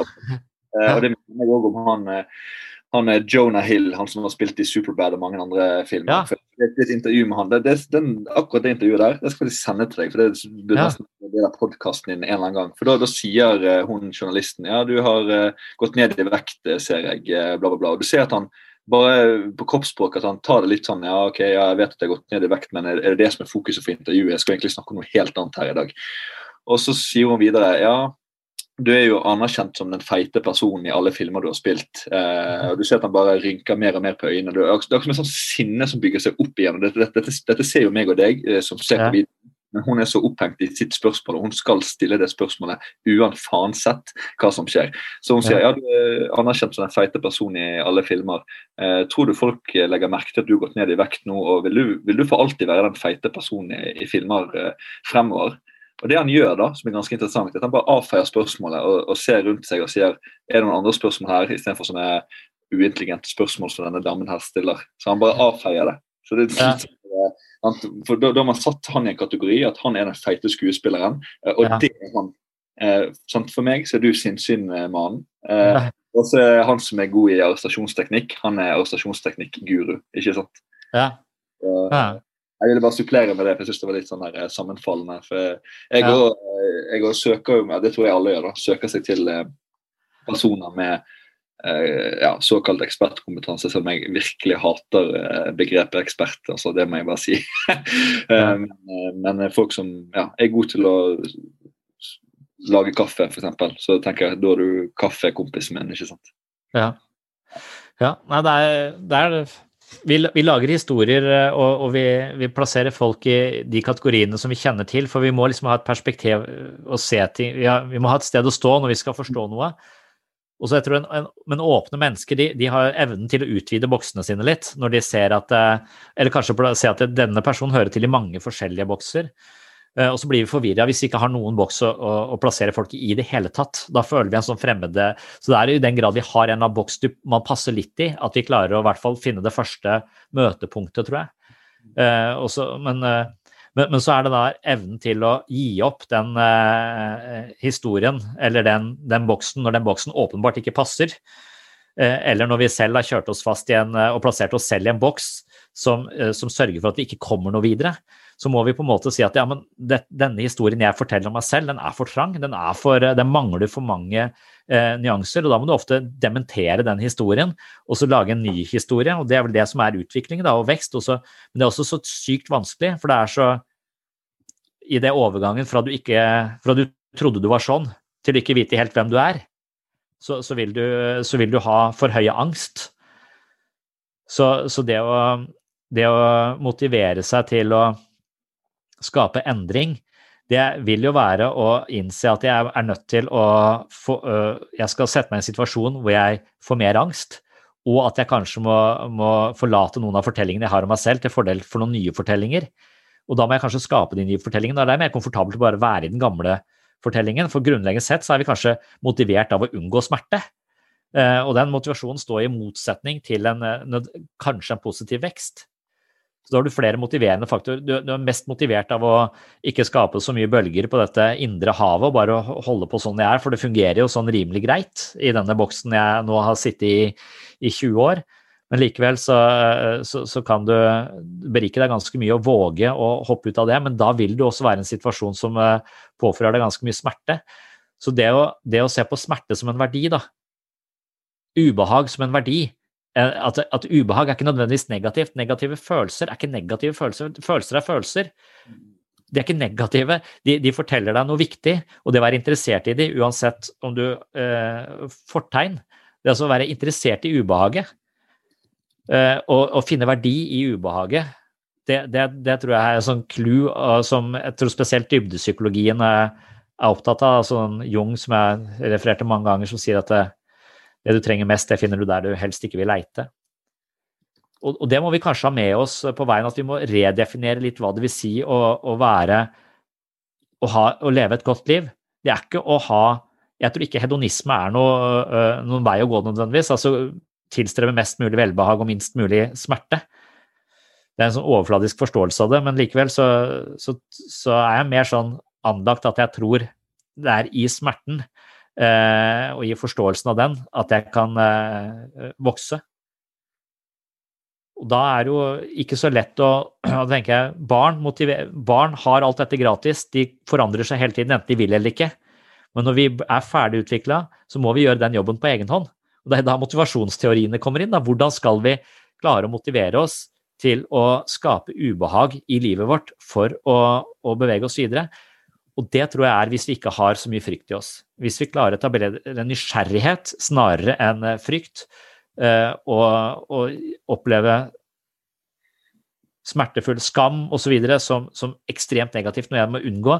Og hvis du klarer å opprettholde en form for nysgjerrighet på det, eh, så, så tror jeg du har, eh, har knekt en kode. Men igjen, det tror jeg også er avhengig av hvor mye faenskap du har opplevd tidligere, hvor mye frykt som er i deg, og hvor mye de fryktsentrene driver og aktiverer eh, din, eh, i ditt indre psykiske landskap. Og hvis du har for mye frykt, så må du kanskje gjøre noe med det i første omgang.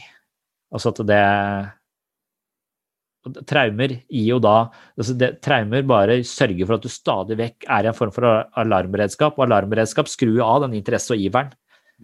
For da er det ikke det som er prioritert, det er prioritert å overleve i en situasjon som kanskje egentlig ikke er farlig engang. Så det å, det å avkode de tingene, at du reagerer med for mye frykt, og finne en plattform å stå på, for så å etablere denne Vi er dømt til å skape mening i eget liv, men det er egentlig prisgitt at vi da er trygge nok til å tørre det. Så ja. Jeg, jeg tror du får, uh, får, siste ordet på det, altså. For det, det var uh, egentlig ganske Kall det oppsummerende, syns jeg. Uh, for, for jo, Det er sånn morsomt, egentlig. for Når du snakker, så kommer jeg på sånn, kanskje 500 spørsmål, og så sitter jeg igjen med null når jeg er ferdig. for det, det, var såpass, det, det er utfyllende, men ikke uttømmende. sant? Ja. Så jeg tenker sånn, Istedenfor å, å mase noe mer nå eh, på, med, med to-tre spørsmål til, så tenker jeg at det, det, må, det får bli det siste. altså, for det var, ja. ja. Så da får du eh, Takk for samtalen. Så får du eh, si fra når eh, boka kommer i august. Eh, så kan, vi jo, kan jeg nevne det i, på sinnssyn, i hvert fall, sånn at eh, folk blir oppmerksom på det. Du vil ikke si hva den heter heller? Uh, han heter uh, Per nå så er navnet motivasjon. Han heter bare motivasjon. Grunnen til det ja. er for at jeg vil gjøre det såpass enkelt at uh, det ikke skal bli vanskelig. Ja. Ja. det, det, er det han heter. Så hvis du vil det, så setter jeg utrolig stor pris på det. Altså, det jeg synes det var en veldig berikende samtale. Jeg fikk mye mer ut av det enn hva jeg, jeg, faktisk hadde forskuttert. Jeg tenkte at det her vil bli bra, men det vil ikke bli så bra. men, men det, det, det, det er en følelse jeg sitter igjen med nå. At OK, wow. Det her var jo og Hvis det er greit for deg, så skriver jeg et, et, referat og så sender jeg det til deg. Så får du se om du er enig eller uenig i, ja. i referatet. da, Og så kan jeg ta det med. Ja, men Da inkluderer du det i boka? da, Er det det som er planen? Det er planen.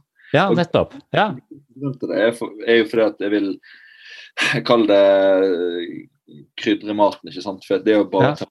med teorier og intervjuer med disse menneskene mine og sånne ting. Eh, ja. Det er veldig bra, så jeg er veldig fornøyd med det. Eh, men eh, ditt perspektiv synes jeg er veldig interessant når det treffer så bra, og du har eh, så mye eh, ammunisjon som du trekker fra baklommen her og bare skyter løs. Nå mister jeg det litt grann her, ser det ut som. Eh, skal vi se Der kom du Nå falt tilbake. ut der litt igjen. Ja. Ja, der tilbake. Men ja, så, så du, du tar det på strak arm, og Ja. du treffer veldig bra. Så det, det var egentlig hensikten min. Ja, så, så flott. Da, da gleder jeg meg til å se boka selv og lese, lese om det. Også, og, vil du ha dette opptaket, eller hvis du skal tilbake i det, eller har du notatene dine? Eh, jeg har først og fremst notatene. for Ja. Hvis jeg går gjennom alt, så eh, går jeg ofte i den fellen at jeg skriver utrolig mye. Ja, jeg, jeg jeg. Jeg, tar, jeg tar det sånn som dette her, Ja. eh, og så fyrer jeg det av gårde til deg, og så får du bare si det her var bra, men du mangler eller det her burde vært litt sånn og sånn. Ja. Så, jobber litt sammen på det da, hvis du har lyst til å bruke Ja. Absolutt. Så, så Supert. Det er planen. Mm. Ja. Kjempefint. Da hører jeg fra deg. Da har du mailadressen, så da kan du bare sende det der, så skal jeg lese det. Ja, da skal jeg fremdeles lytte til, til Synsiden, og så Ja. hører jeg vel kanskje klippe det der, da. Ja, Så tusen takk for Ja. samtalen. Det i like måte. Snakkes. Det gjør vi. Ha det bra. Takk for at du hører på Sinnsyn. Takk til Daniel Osen, og sjekk ut eh, boka hans når den dukker opp eh, i butikken. Den handler altså om motivasjon, og som han selv sier, så er overskriften eller tittelen på boka også motivasjon, og dette er eh, åpenbart noe han har jobba lenge med og snakket med mange mennesker om, så han har etter hvert et eh, ganske godt bilde av hva som motiverer oss mennesker, en god oversikt over eh, vårt eh, indre landskap som eh, drifter våre små og store gjøremål, mål og, ja, og ambisjoner. Så det tror jeg kan være en eh, veldig interessant eh, bok. Jeg skal i hvert fall eh, skaffe meg den når den dukker opp. Og det var det vi hadde for denne gang. Hvis du vil ha mer sinnssyn, så vet du sannsynligvis hvor du skal gå. Da er det på patron.com for slash sinnssyn. Gidder ikke å si noe mer om det i dag, i og med at jeg maser om det hver eneste bidige gang, så det skal du få slippe nå. Yes, det var det. Følg med i neste episode. Tusen takk for at du følger med i det hele tatt. Og hvis du har kommet helt hit, så er du virkelig en fast følger, så ja, takk for det. Og på gjenhør. Oh, I'm just losing my mind, that's all.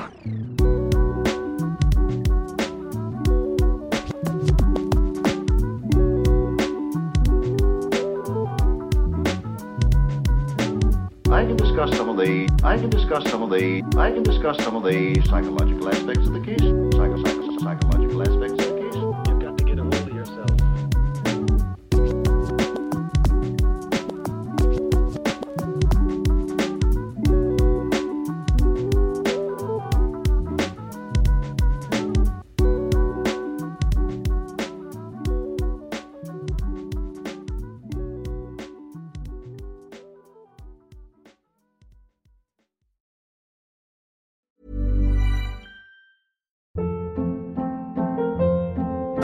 Hold up. What was that? Boring. No flavor. That was as bad as those leftovers you ate all week. Kiki Palmer here, and it's time to say hello to something fresh and guilt-free. Hello Fresh. Jazz up dinner with pecan-crusted chicken or garlic butter shrimp scampi. Now that's music to my mouth. Hello Fresh. Let's get this dinner party started. Discover all the delicious possibilities at hellofresh.com.